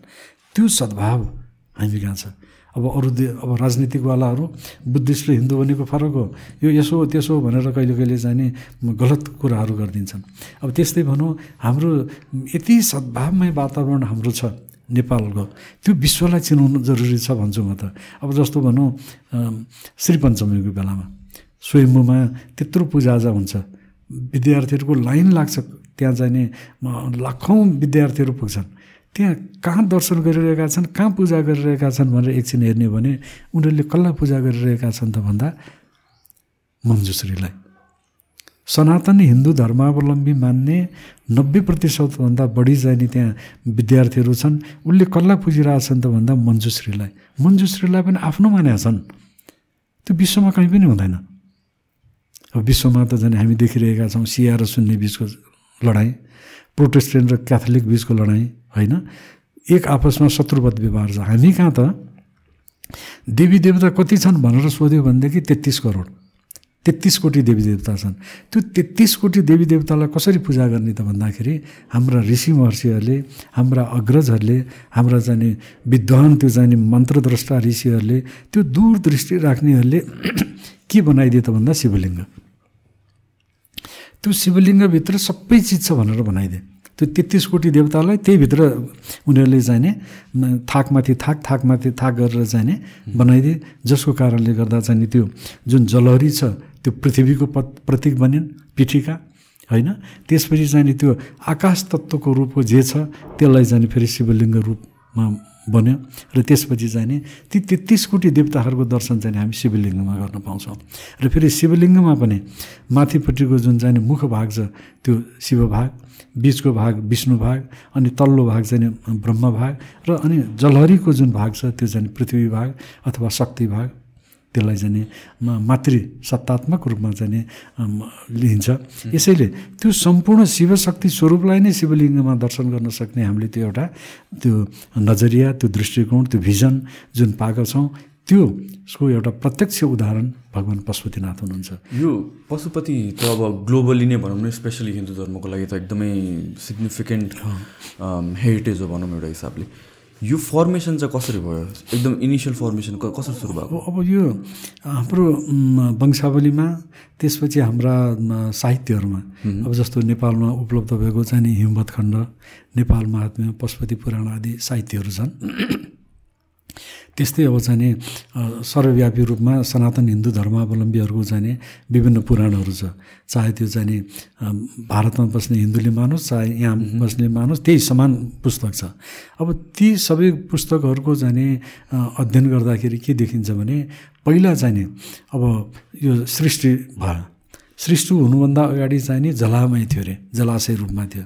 जलाशय भएपछि त्यो जलाशयमा भगवान् विष्णु एकदम चाहिँ आनन्दसँग चाहिँ नि सुतेर त्यो क्षीर सागरमा बसिरहनु भएको थियो। अनि त्यतिखेर चाहिँ नि त्यो नाभिबाट चाहिँ ब्रह्माजीको प्रकट भयो। अनि ब्रह्माजीको प्रकट भइसकेपछि मान्छेहरूको चाहिँ विस्तारित रूपहरू देखिन थाल्यो। अनि त्यही बखतमा नि अनि के अरे भगवान् शिवले ब्रह्मा र चाहिँ विष्णुमा उहाँहरूलाई चाहिँ आफ्नो एउटा स्वरूप र आफ्नो शक्ति दिइसकेपछि चाहिँ उहाँहरूलाई चाहिँ अब आफ्नो कर्म गर्नको लागि अनुरोध भयो। त्यो हुँदै जाँदाखेरि चाहिँ दुईजनाको बिचमा चाहिँ नि मनुमालिन्य भयो। विष्णुले म ठुलो भन्ने यता शिव के अरे ब्रह्माले म ठुलो भन्ने। त्यो भइसकेपछि अब को ठुलो भनेर जाने त्यहाँ विवाद भइसकेपछि भगवान् शिवजीले एउटा के परिकल्पना गर्नुभयो भने एउटा ऊर्ध्वलिङ्ग ज्योति स्वरूपको चाहिँ एउटा ठुलो ज्योतिलिङ्ग त्यहाँ उत्पत्ति भएछ। अनि त्यो उत्पत्ति भइसकेपछि अनि आकाशवाणी भयो यसको माथिको चाहिने तलको अन्तिम भाग र माथिको चाहिने टुप्पो जसले पत्ता लगाउन सक्छ त्यो नै ठुलो। भन्ने भएपछि अब उहाँहरू जाने त्यो पत्ता लगाउनलाई जानुभयो। जाँदाखेरि जाने विष्णुले सक्नु भएन तर ब्रह्माले जाने त्यहाँ त्यतिखेर जाने एउटा जपा पुष्प जपा पुष्प र जाने अनिखेरि गाईलाई चाहिँ साक्षीको रूपमा ल्याएर मैले पत्ता लगाएँ भन्ने जाने पार् पार्नुभयो। पार्दाखेरि जाने फेरि आकाशवाणीबाट होइन है उहाँले झुटो कुरा बोलेको भन्ने भएपछि त्यसपछि अनिखेरि जाने त्यहाँ त्यो जुन ज्योतिर्लिङ्ग निक्ल्यो झुटो कुरा बोले हुनाले जपा पुष्प भगवान्लाई चढ्दैन। अनि गाईलाई ल्याएर जाने त्यहाँ साक्षी बगा हुनाले झुटो कुरो गाईले बोलेको हुनाले गाईको मुखलाई पवित्र मानिँदैन। किनभने गाईको मुखले जे पनि खान्छन्। होइन? दुध पवित्र छ अरू सबै पवित्र छ। त्यो भयो। अनि त्यसपछि त्यो जुन लिङ्ग उत्पत्ति भयो त्यो लिङ्गलाई ज्योति स्वरूपमै तल दबाएर राख्ने काम चाहिँ भगवान् विष्णुले गर्नुभयो र त्यही पशुपतिकै जुन स्थल हो त्यो स्थलमा गर्नुभयो। र पछि चाहिँ निलमणिबाट शिवलिङ्ग बनाएर त्यसलाई छोपेर राखियो। अनि कालान्तरमा अब त्यो पूजाआजा भयो। अब यस्तो ब्रह्माण्ड त जाने कतिपटक सृष्टि भइसक्यो जस्तो अहिले जाने। सनातन हिन्दू धर्मको ग्रन्थ मान्ने हो भने अब धेरैले वैज्ञानिक मानेका छन्। श्वेत वराह कल्पमा हामी छौँ होइन? विभिन्न मनमन्त्र हुन्छ विभिन्न कल्प हुन्छ। अहिले चाहिँ श्वेत वराह कल्पमा छौँ। अब त्यो विभिन्न कल्पहरू बितिसकेपछि चाहिँ हरेक कल्पमा जाने त्यो शिवजीको प्रादुर्भाव हुन्छ भन्ने अनुसार। अनि पछि जाने फेरि त्यो जुन चाहिँ अहिले भगवान् पशुपतिनाथ रहेको ढिस्को छ त्यो ढिस्कोमा चाहिँ नि गोपाल राज वंशावली भन्ने एउटा वंशावली छ। नेपालको पुरानो वंशावली हो। त्यो चाहिँ जयस्थिति मल्लको समयमा लेखिएको। त्यसअनुसार चाहिँ नि अब त्यो ढिस्कोमा चाहिँ नि एकजना किर्तिपुरको एकजना ग्वाला गोपालको उनको चाहिँ एउटा गाई रहेछन् बहुरी नाम गरेको गाई रहेछन्। त्यो गाई चढ्दै चढ्दै चढ्दै चढ्दै आउँदाखेरि सधैँ त्यहाँ पुग्दै रहेछन् अनि पुगिसकेपछि त्यहाँ चाहिँ त्यो ठाउँमा पुग्नासाथ त्यो दुधको धारा आफै सर बगेर जाने त्यहाँ जाँदो रहेछ अनि घरमा गएर दुध दुनु खोज्दा त दुधै छैन। अब बिहानदेखि चर्न गएको गाई बेलुका फर्केर आउँदाखेरि कल्चौँडो छ तर दुध छैन। अनि शङ्का लागेर जाने के रहेछ? भनेर खोज्न जाँदाखेरि त्यहाँ खनेर हेर्दाखेरि चाहिँ ज्योति स्वरूप प्रकट भयो। अनि त्यो ज्योति स्वरूप प्रकट भइसकेपछि जाने अनि त्यसपछि चाहिँ नि अहिलेको भगवान् पशुपतिनाथको जुन श्री विग्रह छ त्यो पत्ता लगायो। त्यसपछि अनि राजा सुपुष्पदेव भन्नेले चाहिँ त्यहाँ मन्दिर बनाउनु भयो पाँच तले मन्दिर बनाउनु भयो। तर पछि विभिन्न समय समयमा विभिन्न राजा महाराजा त्यतिखेरका जनताहरूको चाहिँ सत्प्रयासबाट विभिन्न समयमा त्यहाँ थप्ने बनाउने हुँदै हुँदै हुँदै गइसकेपछि पछि गएर चाहिँ गङ्गा रानी शिवसिंह राजा काठमाडौँको राजा शिवसिंह राजाको समयमा गङ्गा रानी र शिवसिंह भन्नेले जाने। अब यो पाँचतले मन्दिर राखिरह्यो भनेदेखि पछि पछिलाई नै गाह्रो हुन्छ। यसैले दुई तलाको चाहिने बनाएर राख्ने भनेर जाने दुई तलाको बनाइयो। त्यो दुई तलाको पछि अब अहिलेसम्म पनि विक्रम सम्मत सत्र सौ चौन्नतिर अहिलेको जुन मन्दिर छ विक्रम सम्मत सत्र सौ चौन्नको हो। त्यतिखेर जाने भूपालेन्द्र मल्ल काठमाडौँकै राजा भूपालेन्द्र मल्लले चाहिँ त्यो मन्दिरलाई चाहिँ बनाउनु भयो। र यसरी अब शिव शिवलिङ्गको प्राकट्यको विषयमा उद्भवको विषयमा अहिले जसरी किर्तिपुरबाट बहुरी गाई आएको भने जस्तै अन्यत्र पनि यस्तो कथा पाइन्छ। तर गोपाल राजवंशावलीमा चाहिँ त्यो लेखिएको छ। यसैले यो चाहिँ भगवान् पशुपतिनाथको जुन पशुपति छ मन्दिर छ अब त्यो चाहिँ हामी सबै नेपालीको लागि चाहिँ एउटा गौरवको विषय हो। त्यो मात्र सनातन हिन्दू धर्मावलम्बीको लागि मात्रै होइन किनभने विश्व स विश्व सम्पदा सूचीमा सूचीकृत छ। सन् उन्नाइस सय उनासीमा पशुपति क्षेत्र विश्व सम्पदा सूचीमा सूचीकृत छ। अब नेपालमा करिब करिब दसवटा विश्व सम्पदा सूचीमा सूचीकृत स्थलहरू छन्। अब त्यो हामी नेपालीको लागि एउटा गौरवको विषय हो। कति देश यस्ता छन् उनीहरूका छ सम्पदा छ तर विश्व सम्पदा सूचीमा सूचीकृत भइसकेको छैनन्। यसैले अब भगवान् पशुपतिनाथ को चाहिँ जुन महत्त्व छ मैले अघि नै भने बुद्धि र विवेकको जागरण। हामीलाई चाहिँ जुन दिनुहुन्छ ज्ञान दिनुहुन्छ उहाँको आराधना उहाँको चाहिँ साधना गऱ्यो भने त्यो प्राप्त हुन्छ। अनि यो सारा संसारलाई बचाउने यो सारा संसारलाई चाहिँ जोगाउने यो सारा संसारलाई चाहिँ अब जस्तो ब्रह्मा विष्णु महेश्वर हामी कहाँ त्रिमूर्ति भनिन्छ त्यो ब्रह्माले यसको उद्भव गराउनु भयो विष्णुले पालन गर्नुभयो शिवले चाहिँ त्यसलाई फेरि चाहिँ नि विलय गराउनु भयो गराउनुहुन्छ। भन्ने मान्यता भए तापनि ब्रह्मा विष्णु महेश्वर भनेको नै एउटै हो। किनभने एक रूप हो एक चिज हो अनेक रूपबाट अनेक नामबाट चाहिँ सम्बोधन हुन्छ। अनि भगवान् पशुपतिको चाहिँ व्युत्पत्ति गर्दाखेरि चाहिँ नि के अर्थ लाग्छ भनेदेखि सारा संसारको प्राणी मात्रको चाहिँ रक्षा गर्ने। पशुन जीवात्मन पाति रक्ष्य ती पशुपति भन्ने व्युत्पत्ति हुन्छ। त्यसको अर्थ चाहिँ के हुन्छ भन्दा उहाँले सारा संसारको चाहिँ लाई जाने उहाँले रक्षा गर्नुभएको छ। यसको चाहिँ पालन गर्नुभएको छ र यसैले चाहिँ भगवान् पशुपति हामी सबैको लागि एउटा आराध्य हुनुहुन्छ। हामी सबैको लागि चाहिँ एउटा कल्याणका चाहिँ दिने ईश्वर हुनुहुन्छ भन्ने अर्थको रूपमा हाम्रा वेदहरूले चर्चा गरेका छन्। वेदहरूमा चाहिँ अनेकौँ मन्त्र ऋग्वेददेखि नै यथो यजुर्वेददेखि नै अनेकौँ मन्त्रहरू भगवान् पशुपतिको गुणगान गाइएको पाइन्छन्। यसले गर्दा पशुपतिनाथको सन्दर्भमा अब जुन महत्त्व छ अब विश्व सम्पदा सूचीमा भएपछि त अब हाम्रो लागि मात्रै पनि विश्वकै सम्पदा भयो। यसैले अब विश्वकै सम्पदा हुँदा कहिले कहिले जाने त्यहाँ अप्ठ्यारो परिरहेको स्थिति पनि म देख्छु। के भनेदेखि अब विश्वका मान्छेहरू आउँछन् दर्शन गर्न। हामी पनि दर्शन गर्न जाउँ भित्र भन्छन् तर त्यो पाइरहेको अवस्था छैन। अब ईश्वरको लागि त सबै बराबर हो। यसैले त्यो ईश्वरको लागि सबै बराबर भइसकेको हुनाले अब कुनै बेलामा भनौँ न तेह्र सय उन्चास इस्वी सम्बततिर एकजना शमसुद्दिन इलियास भन्नेले चाहिँ पशुपतिनाथ मन्दिरलाई तोडफोड गरे। त्यो तोडफोड गरेको कारणले गर्दाखेरि त्यो सुरक्षाको लागि पशुपतिनाथ मन्दिरमा जाने अरूलाई रोकेको हो। अब समय परिस्थिति अनुसार अब एउटा बहस पनि चलाएर मलाई लाग्छ ईश्वर भनेको सबैको लागि समान हो बराबर हो।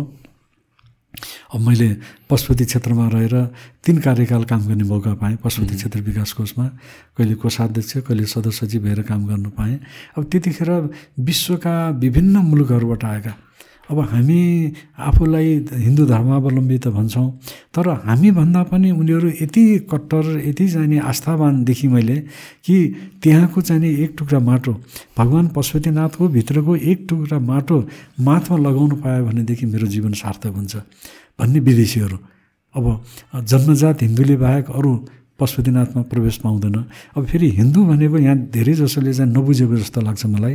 हाम्रो परम्परामा हिन्दू भनेको वैदिक बौद्ध जैन र सिख पशुपतिनाथको मन्दिरभित्र वैदिक बौद्ध जैन सिखका कुनै पनि सम्प्रदायलाई जानलाई निषेध छैन। अब हुन त त्यहाँ इन्ट्रान्स ओन्ली फर हिन्दुज भनेर लेखेको छ।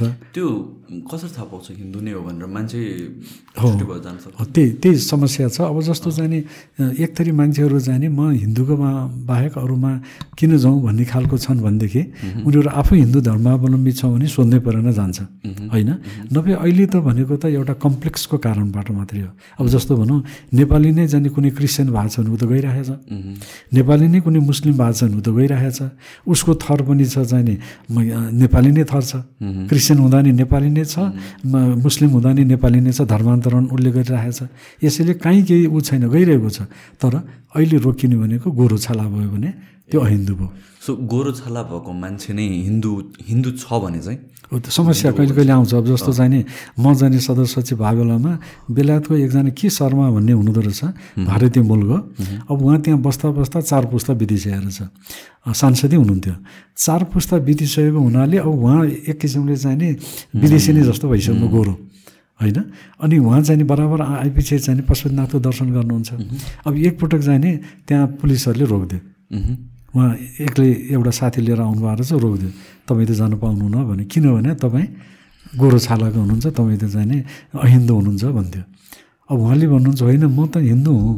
मेरो नाम फलानु शर्मा हो। भन्नुहुन्छ जान्दिँदैन। अनि पछि चाहिँ नि फेरि अब अफिसियल मान्छेहरू आएपछि सबै कुरा परिचय सरिचय गरेपछि लिएर जान दिए। त्यसैले त्यो किसिमको अवस्था पनि कहिले कहिले आइरहेको हुन्छ। अब यसलाई जाने मलाई लाग्छ अहिलेको समयमा भनौँ न हिजोको बेलामा हामीले सुरक्षाको लागि गऱ्यौँ भने अब अहिले कहाँसम्म दिने हो त? भित्र मन्दिरमै प्रवेश नदिए पनि बाहिर फेर चाहिँ घुम्न पाउने हो कि? होइन? अथवा जाने चाडबाड बाहेक अरू बेलामा जान पाउने हो कि? रिभिजन गर्नु पर्यो।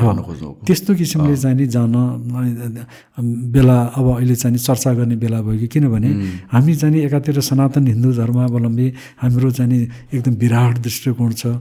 हामी सानो बनेर बस्नुहुन्न सङ्कीर्ण विचार राखेर बस्नुहुन्न। उदाहरण चरितानाम वसुधैव कुटुम्बकम भन्ने त्यत्रो चाहिँ नि विचार राख्छौँ भने अब फेरि यो त्यो यो त्यो ऊ भनेर भन्नुभन्दा सुरक्षाको दृष्टिकोणले हामीले अनेक मेजर अप्नाउनुपर्छ गर्नुपर्छ गर्नुपर्छ। तर म्यानेज गर्न पनि त एकदम च्यालेन्जिङ छ होला नि त जस्तो कि अब यो के अरे हाम्रो के हुन्छ अरे वर्षमा एकचोटि एक- शिवरात्रि। शिवरात्रिको बेलामा। त्यहाँ त अब हुन्छ। त्यस्तो बेलामा नियम नीति नियम बनाउन सकिन्छ नि। ठुल्ठुलो जाने पर्व उत्सवमा जाने नजाने। होइन? किनभने त्यहाँ गाह्रो हुन्छ हुन्छ सुरक्षाकै दृष्टिकोणले पनि कठिन हुन्छ। तर अरू बेला चाहिँ यति बजीदेखि यति बजीसम्म यति चारैतिर चाहिँ घुम्ने। भित्र मन्दिरभित्र चाहिँ नपस्ने चार अब विदेशीहरूमा त कस्तो भावना छ भने उनीहरू त्यहाँ भित्र जान पाउँदाखेरि चाहिँ नि आफूलाई चाहिँ अभागी मानि सम्झन्छन् अब जस्तो एकपटक जाने पूर्व राष्ट्रपति जाने अमेरिकाको पूर्व राष्ट्रपति आउनुभयो त्यहाँ होइन? आइसकेपछि चाहिँ नि अब त्यो बेलामा मैले नै उहाँलाई चाहिँ नि सबै देखाउने मौका पाएको थिएँ को अरे ऊ? अँ, हाम्रो कहिले? बराबर आइरहनुहुन्छ नि कस्तो बिर्सेको अहिले पनि जीवितै हुनुहुन्छ।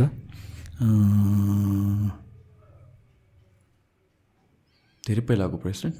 होइन। अहिले करिब चाहिँ नि नौ नौ वर्ष जति भयो। छोड्नुको? हो। हाम्रो चुनावको जोर्ज बुस होइन। चुनावको ताकतले यहाँ बेला बेलामा आइरहनुहुन्छ नि पूर्व राष्ट्रपति हो। पेटमा आयो मुखमा आएन बिर्सेँ मैले आउनु भएको छ। लिस्ट अफ प्रेसिडेन्ट त्यो पछि म भन्छु अनि। ओके सो सो यो यो जुन म्यानेजमेन्ट पशुपतिको म्यानेजमेन्ट छ नि त यो गभर्मेन्टले हेर्छ कि कि Pashupati as a different entity हेर्छ कि अब यो भनौँ न ग्लोबल हेरिटेज नै भइसकेपछि इन्टरनेसनली हेर्छ कि कसरी हुन्छ म्यानेजमेन्ट अहिलेसम्म चाहिँ इन्टरनेसनलले त्यसरी हेरेको छैन। अहँ। अहिले त पशुपति क्षेत्र विकास कोष दुई हजार त्रितालिस सालमा स्थापना भयो होइन। त्योभन्दा अगाडि त कुनै निकाय नै थिएन। अब त्यसको सम्बन्ध सिधै दरबारसँग थियो। केही पऱ्यो भने दरबारले गर्ने गरेको थियो त्योदेखि बाहेक अरू केही पनि थिएन। अब त्यसो हुँदाखेरि चाहिँ नि कतिपय संरक्षण सम्वर्धनका काम चाहिँ नि जसरी हुनुपर्थ्यो त्यो हुन सकेन। त्यो हुन नसकेको हुनाले चाहिँ नि एउटा सक्रिय निकाय चाहियो। त्यो सक्रिय निकाय भयो भनेदेखि त्यसले काम गर्न सक्छ भन्ने चाहिँ आधारमा दुई हजार त्रितालिस सालमा पशुपति क्षेत्र विकास कोष अध्यादेश आएर पछि ऐन बन्यो र चौवालिस सालमा चाहिँ नि पशुपति क्षेत्र विकास कोष ऐन बनेर त्यसको समुच्च अब जस्तो पशुपति क्षेत्र भनेको करिब दुई सय चौसठी हेक्टर जग्गा छ। त्यो दुई सय चौसठी हेक्टर जग्गा भनेको पाँच हजार चान्चन रोपनी छ त्यो भित्रको चाहिँ नि मठ मन्दिर सार्वजनिक जग्गादेखि लिएर सबै पशुपति क्षेत्रभित्र पर्छ। अनि त्यसको संरक्षण सम्वर्धन प्रवर्धन सबै पशुपति क्षेत्रको। यसैले अहिले चाहिँ नि पशुपति क्षेत्रको विकास कोषको काम हो त्यो। अब मलाई लाग्छ यहाँले प्रश्न एकदमै राम्रो हो त्यो जिज्ञासा। के चाहिने यो त अब अन्तर्राष्ट्रिय इन्टिटी भइसक्यो। त्यसले गर्दाखेरि चाहिँ त्यो दृष्टिकोणले पनि त अब हेर्नुपर्ने बेला भएन र भन्ने प्रश्न चाहिँ त्यो एकदमै जरुरी भइसक्यो। किनभने अब विभिन्न व्यक्तिहरू आउनुहुन्छ कसलाई कुन किसिमको चाहिने मर्यादामा राख्ने कसलाई कुन किसिमले चाहिने देखाउने घुमाउने भन्ने हुन्छ। अनि फेरि अर्को चाहिने अहिलेको समयमा टेम्पल डिप्लोमेसी। एउटा चाहिँ एकदम प्रभावकारी हुँदै गइरहेको छ। यसैले अब हामी कहाँ त्यत्रो महत्त्वपूर्ण चिज छ? भगवान् पशुपतिनाथको राजधानीमा काठमाडौँमा त्यत्रो म मन्दिर हुनु अनि यहाँ जाने जति पनि हिन्दू अहिन्दू आएर चाहिँ एकपल्ट दर्शन गर्नु। हिन्दूले भित्र गएर दर्शन गर्छन् हिन्दू भन्नासाथ वैदिक बौद्ध चाहिँ सिख भयो त्यसपछि अर्को चाहिँ हिन्दू इतरहरूले बाहिर बाहिरबाट दर्शन गर्छन्। त्यो बाहिर बाहिरबाट दर्शन गराउँदाखेरि पनि उहाँहरूलाई चाहिँ एउटा सम्मानपूर्वक कहाँ राखेर दर्शन गराउने? कहाँ राखेर त्यसको बारेमा बताउने? के देखाउने?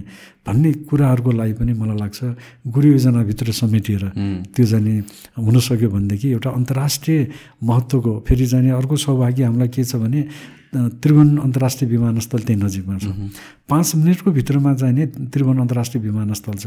त्यति नजिकको चिज पाएका छौँ। त्यसैले पशुपतिनाथको नामबाट त हामीले विश्वमा धेरै चिज प्राप्त गर्न सक्छौँ। विश्वका एक अरबभन्दा बढी जाने हिन्दूहरूलाई आकर्षित गर्न सक्छौँ। त्यस्तै हिन्दू इतरहरूलाई पनि विश्व सम्पदा सूचीमा भएको हुनाले चाहिँ नि आउनुहोस् हेर्नुहोस् भन्न सक्छौँ। तर त्यो आउनुहोस् हेर्नुहोस् भन्नको लागि देखाउने के त? होइन? अथवा भएको चिजलाई संरक्षण कसरी गर्ने त? भन्ने कुराको चाहिँ नि अहिलेसम्म गुरुयोजना आएको छैन। गुरुयोजनाको अवधारणालाई आउँछ त्यसलाई नै हामी गुरुयोजना भनेर अल्मलिएर बसिरहेका छौँ। गुरुयोजना अहिलेसम्म आउन सकेको छैन त्यो दुर्भाग्य छ। यसैले चाहिँ नि पशुपति क्षेत्रको चाहिँ नि जुन एउटा स्थापना भयो। त्यसले गर्दाखेरि अहिले कमसेकम पशुपति क्षेत्रको काम गर्नको लागि काहीँ कसैलाई भन्नु पर्दैन। एउटा स्वतन्त्र निकाय त्यहाँ छ। त्यो गभर्मेन्टको अन्डर पनि पर्दैन। गभर्मेन्टको अन्डरमा चाहिँ अब ऐनअनुसार स्वतन्त्र निकाय हो त्यो स्वायत्त निकाय हो। तर अब जो मन्त्री आयो त्यो अध्यक्ष पशुपति क्षेत्र विकास कोषको भन्ने भएको छ। अब पहिला पहिला जुन बेलामा चाहिँ त्रितालिस सालमा गठन भयो राजतन्त्र छौन्जेलसम्म त्यसको संरक्षक भने महाराधिराज त्यसपछि अध्यक्ष भनेको बडा महारानी त्यो हुँदाखेरिको ऐनलाई अहिले केही परिवर्तन गरेर अब संरक्षक भनेको प्रधानमन्त्री मन्त्री जाने संस्कृति पर्यटन मन्त्री जाने त्यसको अध्यक्ष हुने गरिएको छ। अब त्यो कारणले गर्दाखेरि पनि अब उहाँहरूले आफ्नो मान्छे भर्ना गर्ने भए हुनाले चाहिँ नि अब अहिले एक किसिमले भन्ने हो भने त्यो स्वायत्त निकाय भन्दा पनि अब एउटा पार्टीको मन्त्री जो गयो अथवा चाहिँ जसको प्रभुत्व बढी भयो उसकै सदस्यहरू त्यहाँ आउने अवस्थाले गर्दाखेरि अब कतिपय कुरामा अलमल पनि भइरहेको देखिन्छ। जस्तो कि अब यो इन्टरनेसनल एउटा भनौँ न ग्लोबल हेरिटेज साइट भइसकेपछि त जुन हामीहरूको अब यो रिक्वायरमेन्ट छ हिन्दूहरूलाई मात्र भित्र आउनु पाउँछ अनि त्यो त्यसलाई अफेक्ट गर्दैन र। किनभने ग्लोबल हेरिटेज भनेर जो पनि आउनु खोज्छ। भनिसक्यो। त्यही मैले भने पूर्व राष्ट्रपति जाने आउँदाखेरि अब Carter Jimmy Carter Jimmy Carter चाहिँ पाल्नु भएको थियो। अब फेरि सौभाग्यले चाहिँ भनौँ अथवा चाहिँ केले हो त्यो जिम्मा चाहिँ मलाई आइपुग्यो। यहाँ काठमाडौँमा उहाँ आउँदाखेरि चाहिँ उहाँलाई पशुपति क्षेत्रमा घुम्ने इच्छा लाग्यो। घुम्ने इच्छा लाग्दाखेरि पहिला जाने अब त्यो कसले घुमाउँछ भन्दाखेरि चाहिँ नि पशुपतिको बारेमा केही जानकार राख्ने मान्छे चाहियो भनेपछि चाहिँ नि उहाँहरूले जानकार राख्ने को छ त भन्दाखेरि जर्मनको एकजना विद्वान प्रोफेसर डाक्टर एक्सल मिखायल भन्नेले पशुपतिको बारेमा थेसिस लेख्नुभएको हो। अनि उहाँसँग सम्पर्क भएछ। अनि उहाँले चाहिँ नि मेरो अहिले काठमाडौँमा कार्यक्रम छैन नभए हुनाले चाहिँ नि पशुपतिकै बारेमा गर्ने फेरि अर्को व्यक्ति छ भनेपछि मेरो नाम दिएर छ। त्यसपछि चाहिँ नि जिम्मी कार्टर यहाँ आउने भएपछि अनि मैले चाहिँ नि अब त्यसलाई स्वीकारेँ। किनभने अब त्यो मेरो लागि त एउटा सौभाग्यको पनि हो। किनभने मैले आफूले जाने विषयमा अब बाह्र अमेरिकाको पूर्व राष्ट्रपतिलाई पशुपति क्षेत्र घुमाउनु भने त त्यो एउटा अवसर पनि हो भन्ने सम्झेर हुन्छ भने। तर घुमाउँदै जाँदाखेरि चाहिँ जब पशुपतिनाथको पश्चिम ढोकाबाट मैले उहाँलाई सबै कुरा बताउँदै गएँ। बताउँदै गएपछि अब भित्र जाने होइन भन्नुभयो। अब के भन्ने? मैले भने यहाँभित्र जानलाई चाहिँ नि जन्मजात हिन्दूहरूले मात्रै पाउँछन्। अरूले पाउँदैन भनेपछि अनि उहाँले चाहिँ भन्नुभयो यो त विश्व सम्पदा सूचीमा छैन भन्नुभयो। हो भने त्यसपछि त्यसलाई कुरा अर्कोतिर डाइभर्ट गरेर अनि त्यहाँ चाहिँ भिजिटर्स बुक थियो। त्यो भिजिटर्स बुकमा चाहिँ लेख्न लगाइयो। त्यसपछि अरू क्षेत्र घुमाइयो। भित्र चाहिँ जानु भएन। त्यसले गर्दा कहिले कहिले जाने त्यस्तो जब प्रश्न आउँदाखेरि के भन्ने? होइन त्यो अवस्था आउँछ। अब म पशुपति क्षेत्रमा बस्दाखेरि त त्यस्तो धेरै घटनाहरू भयो अब विश्वका चाहिँ विभिन्न मुलुकबाट रसियाबाट युक्रेनबाट धेरै जसो। त्यसपछि अमेरिका बेलायत अस्ट्रेलियाबाट अब साधु भनेर आएका छन्। कोही काम चिरेर आएका छन् हाम्रो नाथ सम्प्रदाय लिएका छन् कोही एकदम चाहिँ योगी बनेर आएका छन्। अब उनीहरू साधना गरेकै बिस वर्ष पच्चिस वर्ष भइसक्यो।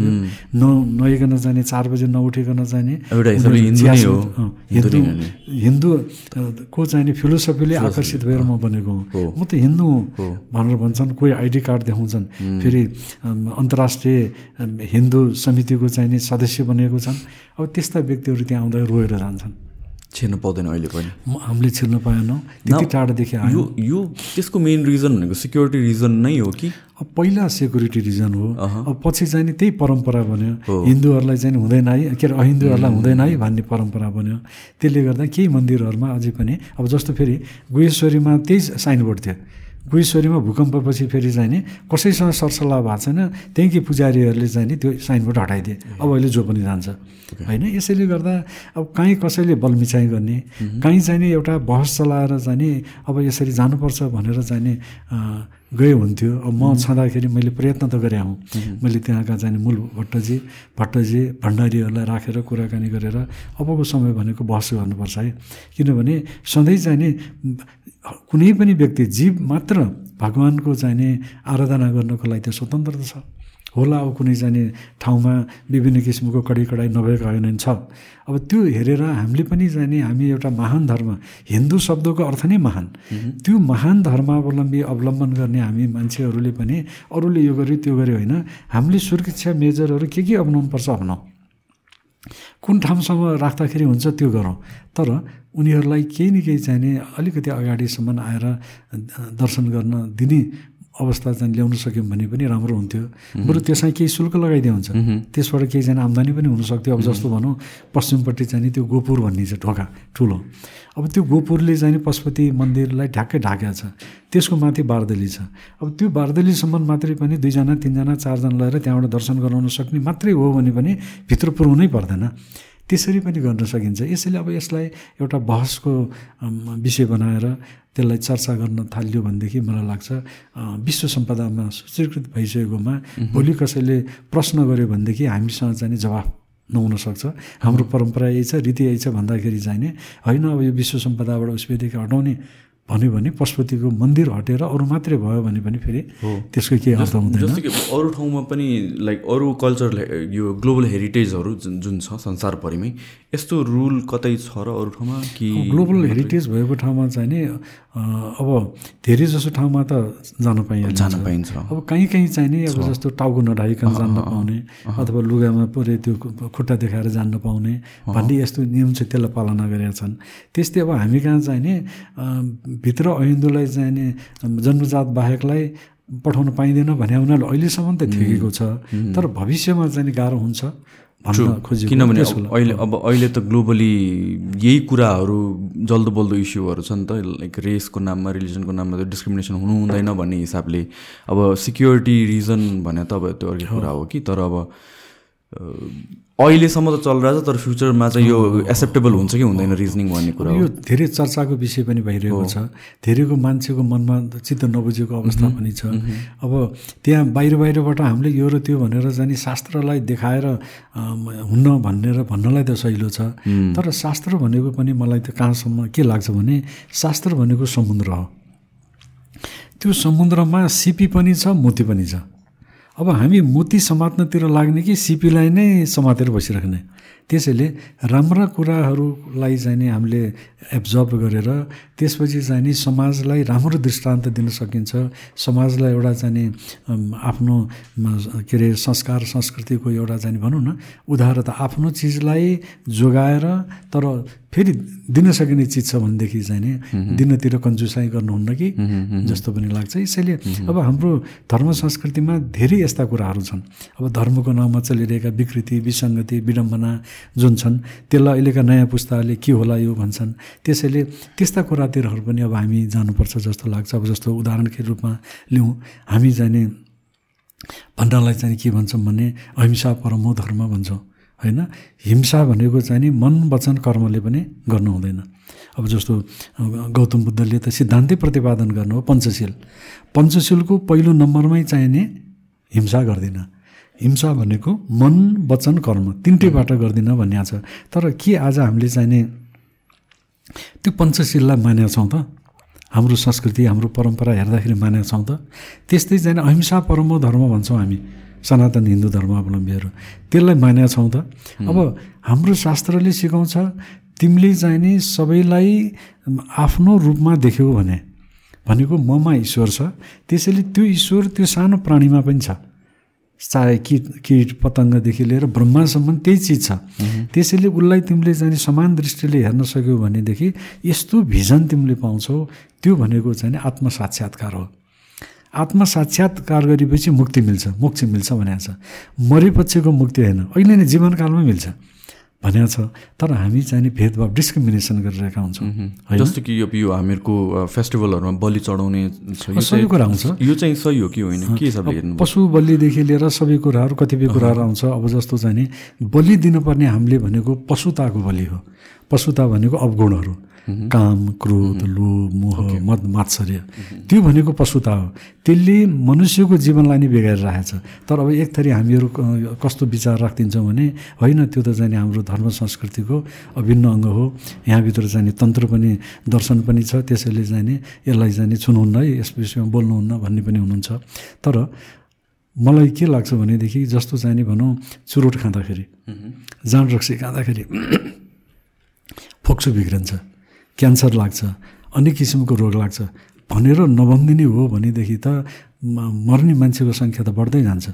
त्यसैले डक्टरहरूले त्यस्तै जाने अब त्यसमा सुधार चाहने मान्छेहरूले विभिन्न क्लासहरू चलाइरहेका छन् अभियान चलाइरहेका छन् चुरोट खानुहुन्न सुर्ती खानुहुन्न बिँडी खानुहुन्न तमाखु खानुहुन्न गुट्खा खानुहुन्न जाँड रक्सी खायो भनेदेखि चाहिँ त्यो किडनीदेखि लिएर लिभर चाहिँ एकदम कडा भएर जाने कतिपय कुराहरूको सिस्टम बिगारिरहेको छ भन्ने जस्तो कुरा यदि नगरिदिने हो भनेदेखि त युवाहरूलाई अथवा चाहिँ कतिपय मान्छेहरूले चाहिँ त्यसको गलत कुराहरू त थाहा पाउँदै थाहा पाउँदैनन्। त्यस्तै जान्ने मान्छेहरूले यो पशु बलिको जुन चर्चा यहाँले गर्नुभयो त्यो विषयमा पनि जाने हामीले जान्ने मान्छेहरूले त्यसका चाहिँ सुधार चाहनेहरूले त्यसमा जाने धर्म भनेको अर्कालाई मार्नु काट्नु धर्म भयो भने अधर्म भनेको केलाई भन्ने? यदि संसारमा सबभन्दा ठुलो के अरे गल्ती काम भनेको अर्कालाई मार्नु। त्यो जति ठुलो पाप केही पनि छैन भन्ने छ चाहे कानुन हेऱ्यौँ चाहे शास्त्रहरू हेरौँ। तर फेरि धर्मकै नामलाई अर्कालाई चाहिँ काटिरहेका छौँ। अब त्यो काट्ने पनि कसलाई त भन्दा अबोध प्राणी। न त्यसले हामीलाई केही गरेको थियो न दुःख दिएको थियो न पिरपिराउ गरेको थियो न टोक्न आएको थियो न कुट्न आएको थियो न हान्न आएको थियो केही आएको थिएन। अब त्यस्तो प्राणीहरूलाई काट्ने मात्रै होइन। अब जस्तो जाने भनौँ अब हिजो आज चाहिँ हामी मिडियातिर पनि देख्छौँ म मुस्ताङमा मनाङमा चाहिँ कुनै बेला त्यो ज्यादै न्यून रूपमा भएको चिज अब जस्तो चाहिँ त्यो याकको रगत खाने। एक महिना रगतको चाहिँ एक सय रुपियाँ दुई सय रुपियाँमा यसपटक बेचियो। त्यो रगत बेचेर स्कुल बन्यो अथवा यो बन्यो त्यो बन्यो भने न्युज आउँछ। यसैले त्यो अर्कालाई दुःख दिएर अर्कालाई पीडा दिएर अर्कालाई तडपा तडपाउनु भने त न संसारको कुनै पनि धर्ममा छैन। त्यसैले यस्ता कुराहरूमा पनि सचेतना जोगाउने अब कसले? होइन? यसको लागि चाहिँ मलाई लाग्छ जान्ने मान्छेहरूले यस विषयमा चाहिँ सुधार गर्न चाहनेहरूले अब कुनै वखतमा भनौँ न सती प्रथा धर्मको अभिन्न अङ्ग मानेको थियो अब सती प्रथा अन्तर्गत हाम्रा जाने जिजु बजैहरू हाम्रा जाने दिदी बहिनीहरू कतिजना त्यो जिउँदै चितामा ज- जले त्यतिखेर समाजले थपडी मार्यो। हो धर्म गरिन् उनले मेरो छोरीले धर्म गरिन् मेरो बुहारीले गरिन् मेरो श्रीमतीले गरिन् भने भन्यो। धर्म गरिन् भन्यो तर वास्तवमा त्यो त धर्म थिएन। आखिर समयमा अनुसार त त्यो गयो। त्यस्तै दास प्रथालाई हामीले धर्मको अभिन्न अङ्ग मान्यौँ। संस्कृतिको अभिन्न अभिन्न अङ्ग मान्यौँ। मान्छेलाई किनबेच गराउनेतिर गयौँ। हाम्रै नेपालमा चलन थियो। विश्वमा त अमेरिका बेलायतमा त झन् बढी थियो होइन? त्यसैले रङको नामबाट त्यो जाने एउटा जातको नामबाट अथवा जाने त्यो विभिन्न दृष्टिकोणबाट हामीले चाहिँ डिस्क्रिमिनेसन गरेर अरूलाई मार्ने काट्ने दुःख दिने पिरपिराउ गर्नेलाई पनि धर्मको अङ्ग हो यो भन्न थाल्यौँ भनेदेखि यो विडम्बना हुन्छ। यस्तो विकृतिले चाहिँ संस्कृतिलाई बिगार्छ। किनभने संस्कृति प्रकृति र विकृति तिनवटा कुराहरू हुन्छ। त्यसलाई हामीले चाहिँ बुझेनौँ सही अर्थमा बुझेनौँ भनेदेखि त्यसले चाहिँ नि समाजमा एउटा अस्थिरता ल्याउँछ। समाजमा एउटा चाहिँ भनौँ न एउटा गलत सोचलाई चाहिँ बढाउँछ र जसले गर्दाखेरि धर्म के हो अधर्म के हो मान्छेले बिर्सन थाल्छन्। अधर्मलाई धर्म थाल भन्न थाल्यो भने त्यो गलत भयो होइन? धर्मलाई फेरि अधर्म बनाउनुतिर लाग्यो भने त्यो पनि गलत हो। यसैले यस्तोतिर पनि मलाई लाग्छ अहिलेका युवाहरूमा चिन्तन सोच आउनुपर्छ र जान्ने व्यक्तिहरूले अब जस्तो जाने विभिन्न अब भनौँ न स्कुलको माध्यमबाट कलेजको माध्यमबाट विश्वविद्यालयको माध्यमबाट पढाउने त फोरम छैन तर जान्नेहरूले चाहिँ अब क्लासहरू चलाएर हुन्छ कि इन्स्टिट्युसनहरू स्थापना गरेर हुन्छ कि अथवा चाहिँ के गरेर हुन्छ मात्र अ, त्यो योग र ध्यानको माध्यमबाट मात्र होइन। अब त्यस्तो सिकाउनलाई हाम्रो संस्कृति सिकाउने क्लास हाम्रो म, के अरे मूर्त मूर्त सम्पदाहरूको बारेमा जानकारी गराउने क्लास भनेर महिना दिनको दुई महिनाको तिन महिनाको कोचिङ क्लासहरू जस्तो अथवा म, जस्तो चाहिँ डक्टर पढ्ने बखतमा ब्रिज क्लास भन्छन्। त्यस्तै किसिमको ब्रिज क्लासहरू पनि अब कसैले जान्ने मान्छेहरूले लिदियो भनेदेखि चाहिँ मलाई लाग्छ त्यसले समाजमा एउटा राम्रो सन्देह सन्देश एउटा सकारात्मक सन्देश दिनको लागि पनि काम गर्छ। र वास्तवमा हामीले सुरु गर्दाखेरि भनेको थियौँ नि म को हुँ भन्ने कुराको चाहिँ नि जवाफ यस्तै कुराहरूबाट राम्रा कुराहरूबाट आउँछ। अनि उसले पढ्न थाल्छ उसले लेख्न थाल्छ। त्यसपछि जाने अनि चिन्तन गर्न थाल्छ। त्यो चिन्तन गरेपछि उसले आफैले देख्न थाल्छ। किनभने असल कुराको प्राप्तिको लागि जाने त्यो बुढेसकालसम्म कुरेर बसिरहनु जरुरी छैन। अहिले नै हामीले सिकिरहनुपर्छ अहिले नै जानिरहनुपर्छ र असल कुरा अहिले जान्यौँ भने भविष्यलाई पनि हामीले जाने एउटा राम्रो बाटोमा लिएर जान्छौँ अनि अरूलाई पनि राम्रो मार्गदर्शन गर्न सक्छौँ। किनभने पहिला आफूले जान्यौँ भने अरूलाई सिकाउन सकिन्छ। बुढेसकालमा सिकाएर त काम छैन। त्यसैले त्यो दृष्टिकोण पनि अहिलेको समाजलाई कुनै न कुनै रूपबाट चाहिँ दिन सकियो भने राम्रो हुन्छ जस्तो लाग्छ। जस्तो कि यो तपाईँले भन्नुभयो नि यो हाम्रो जस्तो कि बलि चढाउने नि एउटा प्रथा भनौँ न। कतै न कतैबाट त आयो होला। हामीलाई कतै कतै रेकर्डेड थियो होला या केही न केही रिटर्न थिङ या ग्रन्थहरू केहीमा मेन्सन थियो होला होइन? तपाईँले भने जस्तो अब आफूभित्रको पशुलाई बलि चला चढाउ भनेर भन्यो त्यो कुरा मिसइन्टरप्रेट भएको हो कि? यस्तो हो अब हामी कहाँ कस्तो हो भने अब हाम्रो शास्त्रहरू हेर्ने हो भने वेदहरू हेर्ने हो हो भने अब त्यहाँ के देखिन्छ भने त्यो समाजमा त विभिन्न किसिमका मान्छे हुन्छन्। सकारात्मक मान्छे पनि हुन्छन् नकारात्मक सोचका पनि हुन्छन्। सबैलाई एउटै जाने उसमा राखेर हेर्न पनि मिलेन। त्यो अब हाम्रो शास्त्रहरूलाई हेर्ने हो भने चाहिँ नि परिसङ्ख्या विधि भन्छ। परिसङ्ख्या भनेको त्यसलाई बढाउने होइन घटाउने। अझ घटाउँदै जाने। होइन? अब जस्तो परिसङ्ख्या विधिकै कारणबाट विवाह सिस्टम आयो। यदि विवाह सिस्टम नभएको भएदेखि जाने मान्छेहरू के हुन्थ्यो उशृङ्खल हुन्थे। पशु र मान्छेमा फरक हुँदैन थियो। त्यसैले त्यो घटाउनेतिर गयो। अब विवाह पनि जाने धेरै बढाउनेतिर होइन। घटाउने भन्दा भन्दा एकजनामा आइपुग्यो। होइन? त्यस्तै गरिकन यो पशु बलिको कुरा पनि यसलाई नबढाऊ यसलाई घटाउँ किनभने घटाउँदाखेरि नै जाने आनन्द हुन्छ भनेर हाम्रो शास्त्रले लेखिरहेछ। एउटा त्यो हो। अर्को फेरि शास्त्रमै के पाइन्छ भनेदेखि कुनै पनि हालतमा तिमीले जाने कसैलाई पनि प्राण नहर। मा हिंसात सर्वाणी भूतानी भनेर वेदले भन्छ। पशुन मा हिंसात सर्वाणी भूतानी। कुनै पनि पशु प्राणीहरूलाई तिमी नमार है। किनभने कस कसु पशु प्राणीलाई माऱ्यो भने तिमीले त्यो पशुको जाने जति रौँ छन् त्यति बराबर जाने कुम्बीपाक नरकमा बस्नुपर्छ भनेर लेखेको नि उल्लेखहरू पाइन्छन्। यसैले मैले अघि नै भने जस्तो शास्त्रमा दुवै कुराहरू छन्। अब त्यो दुवै कुराबाट छान्ने कुन त? समाजलाई राम्रोतिर लग्ने हो कि होइन यस्तै हो गोलमटोल अलमल यही नै हाम्रो जीवन हो भनेर लग्ने। त्यो छान्ने चाहिने व्यक्तिले हो समाजले हो राष्ट्रले हो।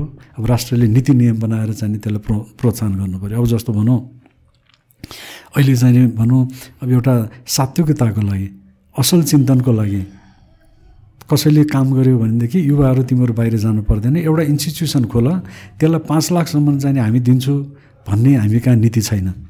तर नीति के छ भन्दा तिमी मासु दोकान खोल पाँच लाखसम्मको ऋण पाउँछौ भन्ने छ। भनेपछि त युवाहरू त त्यतितिर लाग्ने भए मार्काट भनेकै जाने बाटो पैसा आउने रहेछ भन्नेतिर भयो नि त।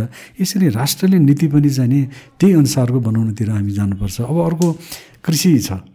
कृषिभित्र जाने हामीले husbandry husbandry house पनि राखेका छौँ त्यो पशुपालनलाई। अब पशुलाई जाने हामी खाद्यको रूपमा लिइरहेका छौँ। त आज संसारमा चाहिँ यो जुन यो के अरे यो गर्मी बढ्दै गएको छ होइन? यो चाहिँ क्लाइमेट चेन्ज भइरहेको भन्छौँ। उष्णता बढ्दै गइरहेको छ। अब त्यो उष्णता बढ्ने कारणमा चाहिँ नि एउटा पशुपालन पनि हो। मान्छेको खानाको लागि पशुको उत्पादन ज्यादा भयो। त्यो उत्पादनले गर्दा फरेस्ट्रीहरू डिफरेस्टेसन हुँदै गएको छ।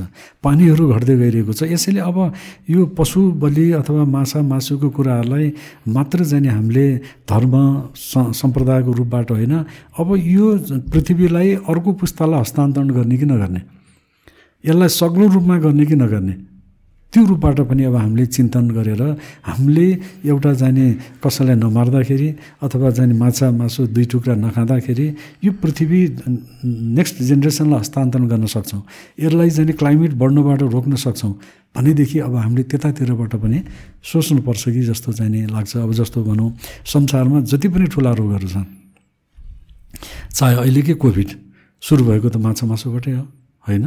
त्यस्तै जाने म्याड काउ डिजिज इन्फ्लुएन के अरे एसियन इन्फ्लुएन्जा देखि लिएर सम्पूर्ण सार्सदेखि सबै रोगहरू चाहिँ माछा मासुकै कारणले आछन्। यसैले माछा मासु भनेको मान्छेको स्वास्थ्यको लागि ठिक छैन। किनभने मा मान्छे भनेको चाहिँ एउटा शाकाहारी प्राणी हो। उसलाई चाहिँ नि नेचुरल प्रोटिन भनेको साग त्यो नेचरबाट प्राप्त हुने सागसब्जीबाट प्राप्त हुने प्रोटिनले उसलाई फाइदा गर्छ। त्यो माछा मासुबाट चाहिँ एनिमल प्रडक्टबाट पाउने चाहिँ अन्नेचुरल प्रोटिनबाट हुँदैन भन्ने किसिमको चाहिँ अब सिद्धान्त आइसक्यो। अब त्यसलाई हामीले बुझिरहेका छैनौँ। यसले गर्दाखेरि चाहिँ हाम्रो शरीरलाई स्वस्थ बनाउने कि अथवा समाजलाई चाहिँ अस्वस्थ बनाएर जेसुकै होस् भनेर छोड्ने कि के गर्ने? यस्तो विषयमा पनि चिन्तनहरू बढ्दै जानुपर्छ। किनभने चिन्तनहरू जति गर्दै गयो त्यति नै जाने एउटा असल कुराको परिप्राप्ति हुन्छ। यसैले हाम्रा पूर्वजहरूले हाम्रो ऋषि महर्षिहरूले पनि यो चाहिँ छलफललाई जाने यसै गरिकन नीति नीति भन्दै चाहिँ चलाउँदै जानुपर्छ।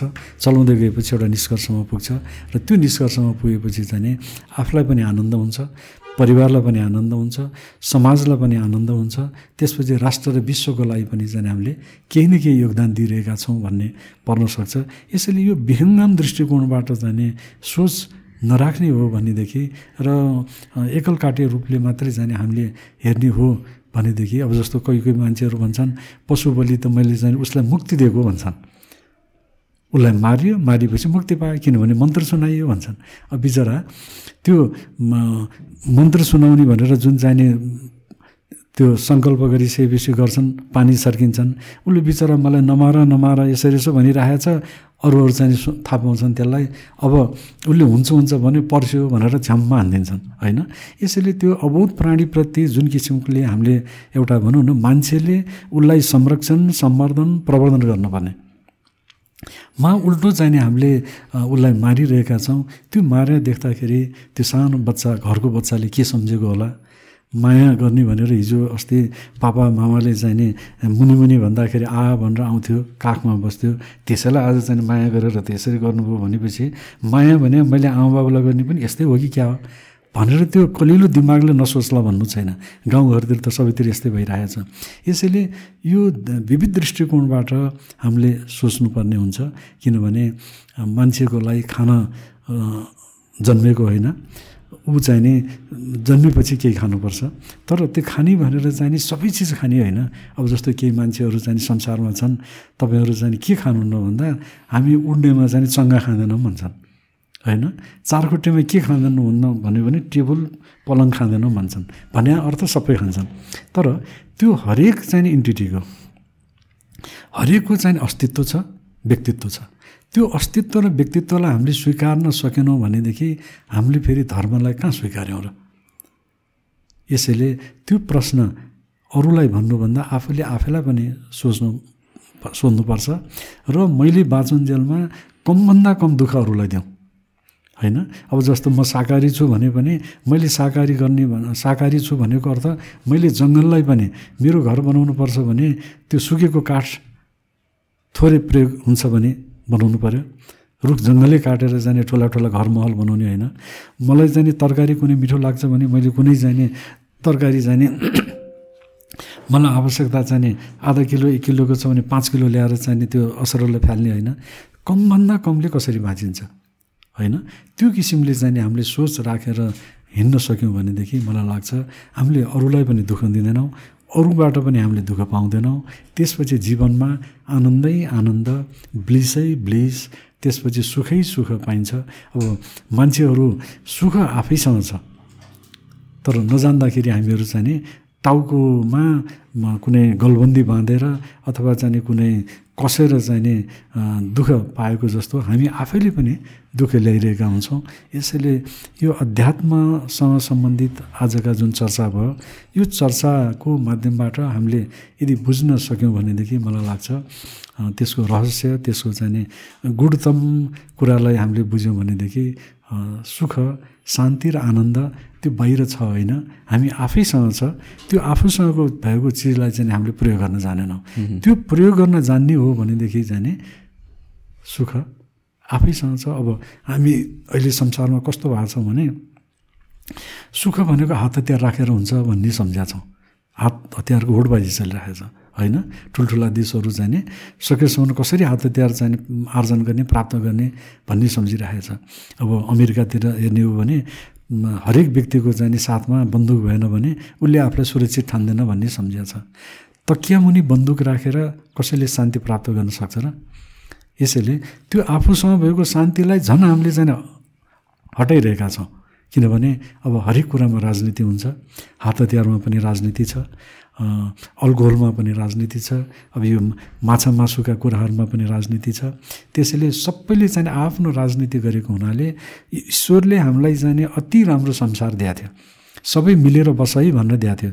तर हामीले त्यो दिएको चाहिँ संसारलाई पनि दिएको सम्पत्तिलाई पनि अब यो सम्पत्ति जुन थियो त्यो मान्छे बाहेक अरूलाई दिएकै थिएन। बिचरा जङ्गली जनावर त जङ्गल छ बस्थे जङ्गल छैन। खतम भइरहेका छन् होइन? अनेक स्पाइसेसहरू चाहिँ खतम भएर गइसके। त्यसैले चाहिँ नि त्यो कुनै जनावरले बिगारेको होइन कुनै चाहिँ नि जङ्गली जनावरले बिगारेको बिगारेको होइन त्यो सम्पत्ति यो जुन ब्रह्माण्ड हामीले पाएका छौँ त्यो बिगार्ने काम कसले गरिरहेको छ त भन्दा मान्छेले गरिरहेको छ यसैले सबभन्दा पहिला चाहिँ हामी आफै सुध्रिनु पर्ने हुन्छ। त्यो सुध्रनको लागि चाहिँ के गरेर मैले चाहिँ समाजलाई सुधार्न सक्छु आफू सुध्रिन सक्छु र राष्ट्रमा मैले केही न केही योगदान कसरी दिन सक्छु भन्ने त्यो चिन्तनबाट जाने हो भनेदेखि मलाई लाग्छ हरेक घरमा छोराछोरीहरू जाने त्यो चिन्तन बोक्यो भनेदेखि साधु सन्त महात्मा तिनै भए होइन? कुनै लुगा रातो पहेँलो निलो लाएर हिँड्नै परेन। अनि मन्दिर त्यही घर बन्यो जुन घरमा काटमार हुँदैन जुन घरमा चाहिँ जाँड रक्सी हुँदैन अनि आनन्द छ भनेदेखि त्यो घर मन्दिर भएन र मन्दिरको लागि हामीले चाहिँ काहीँ अरू टाढामा जान सकिनँ भनेर चिन्ता गर्नु पऱ्यो र समय छँदा गए हुन्छ। तर सकेसम्म आफ्नै घरलाई मन्दिर बनाउन हामीले सक्यौँ भने अनि अर्को चाहिँ नि यज्ञ भनेर कुनै चरु हुमेर बसिरहनु पर्दैन हरेक कर्म। हामीले गरेको हरेक कर्म चाहिँ सुकर्म हुन सक्यो भने राम्रो कर्म हुन सक्यो भने त्यो नै यज्ञ भयो। यसैले यो दृष्टिकोणले हामीले आफूलाई हेर्ने आफूलाई सच्याउने आफूलाई सपार्ने र आफूलाई चाहिँ सधाउने गऱ्यौँ भनेदेखि मलाई लाग्छ त्यो आनन्दको वर्षा जता ततैबाट हुन थाल्छ। त्यो किसिमको आनन्द प्राप्त गर्ने हो भने मलाई लाग्छ त्यो सोचाइ त्यो दृष्टिकोणमा हामी लाग्नुपर्छ जस्तो मलाई लाग्छ। आई थिङ्क हामीले डेढ घन्टा जस्तो कुरा गरिसक्यौँ। सघाउनु पर्ला त्यसो भए आजको लागि। हुन्छ। धेरै धेरै धन्यवाद आउनुभएकोमा। हस् धेरै धन्यवाद यहाँलाई पनि। यहाँले डाक्नुभयो सम्झिनुभयो। मलाई लाग्छ अब यहाँहरूले सोचेको अथवा चाहेको यस्तो थियो कि थिएन तर अब आजको सुरुवातै चाहिँ नि पहिला धर्मबाट भयो धर्मबाट हुँदा हुँदै चाहिँ नि विभिन्न पक्षहरूमा गए। अब आज मलाई लाग्छ धेरै बहुपक्षी कुराकानी हामीले गर्नु पायौँ। यहाँले आज मलाई डाकेर पोडकास्टमा डाकेर म त पोडकास्टलाई नयाँ मान्छे पनि हो। कसरी बोल्ने होला के गर्ने होला भने भन्ने भन्ने लागेको थियो। तर अत्यन्त सरल ढङ्गबाट एउटा अनौपचारिक ढङ्गबाट आफूले घरमा बसेर कुराकानी गरे जस्तै साथीभाइसँग कुराकानी गरे जस्तो किसिमबाट जुन किसिमले यहाँले प्रस्तुतिको लागि मलाई अलिकति प्रोत्साहित गर्नुभयो त्यसको लागि पनि धेरै धेरै धन्यवाद दिन चाहन्छु। हस् हस् धन्यवाद।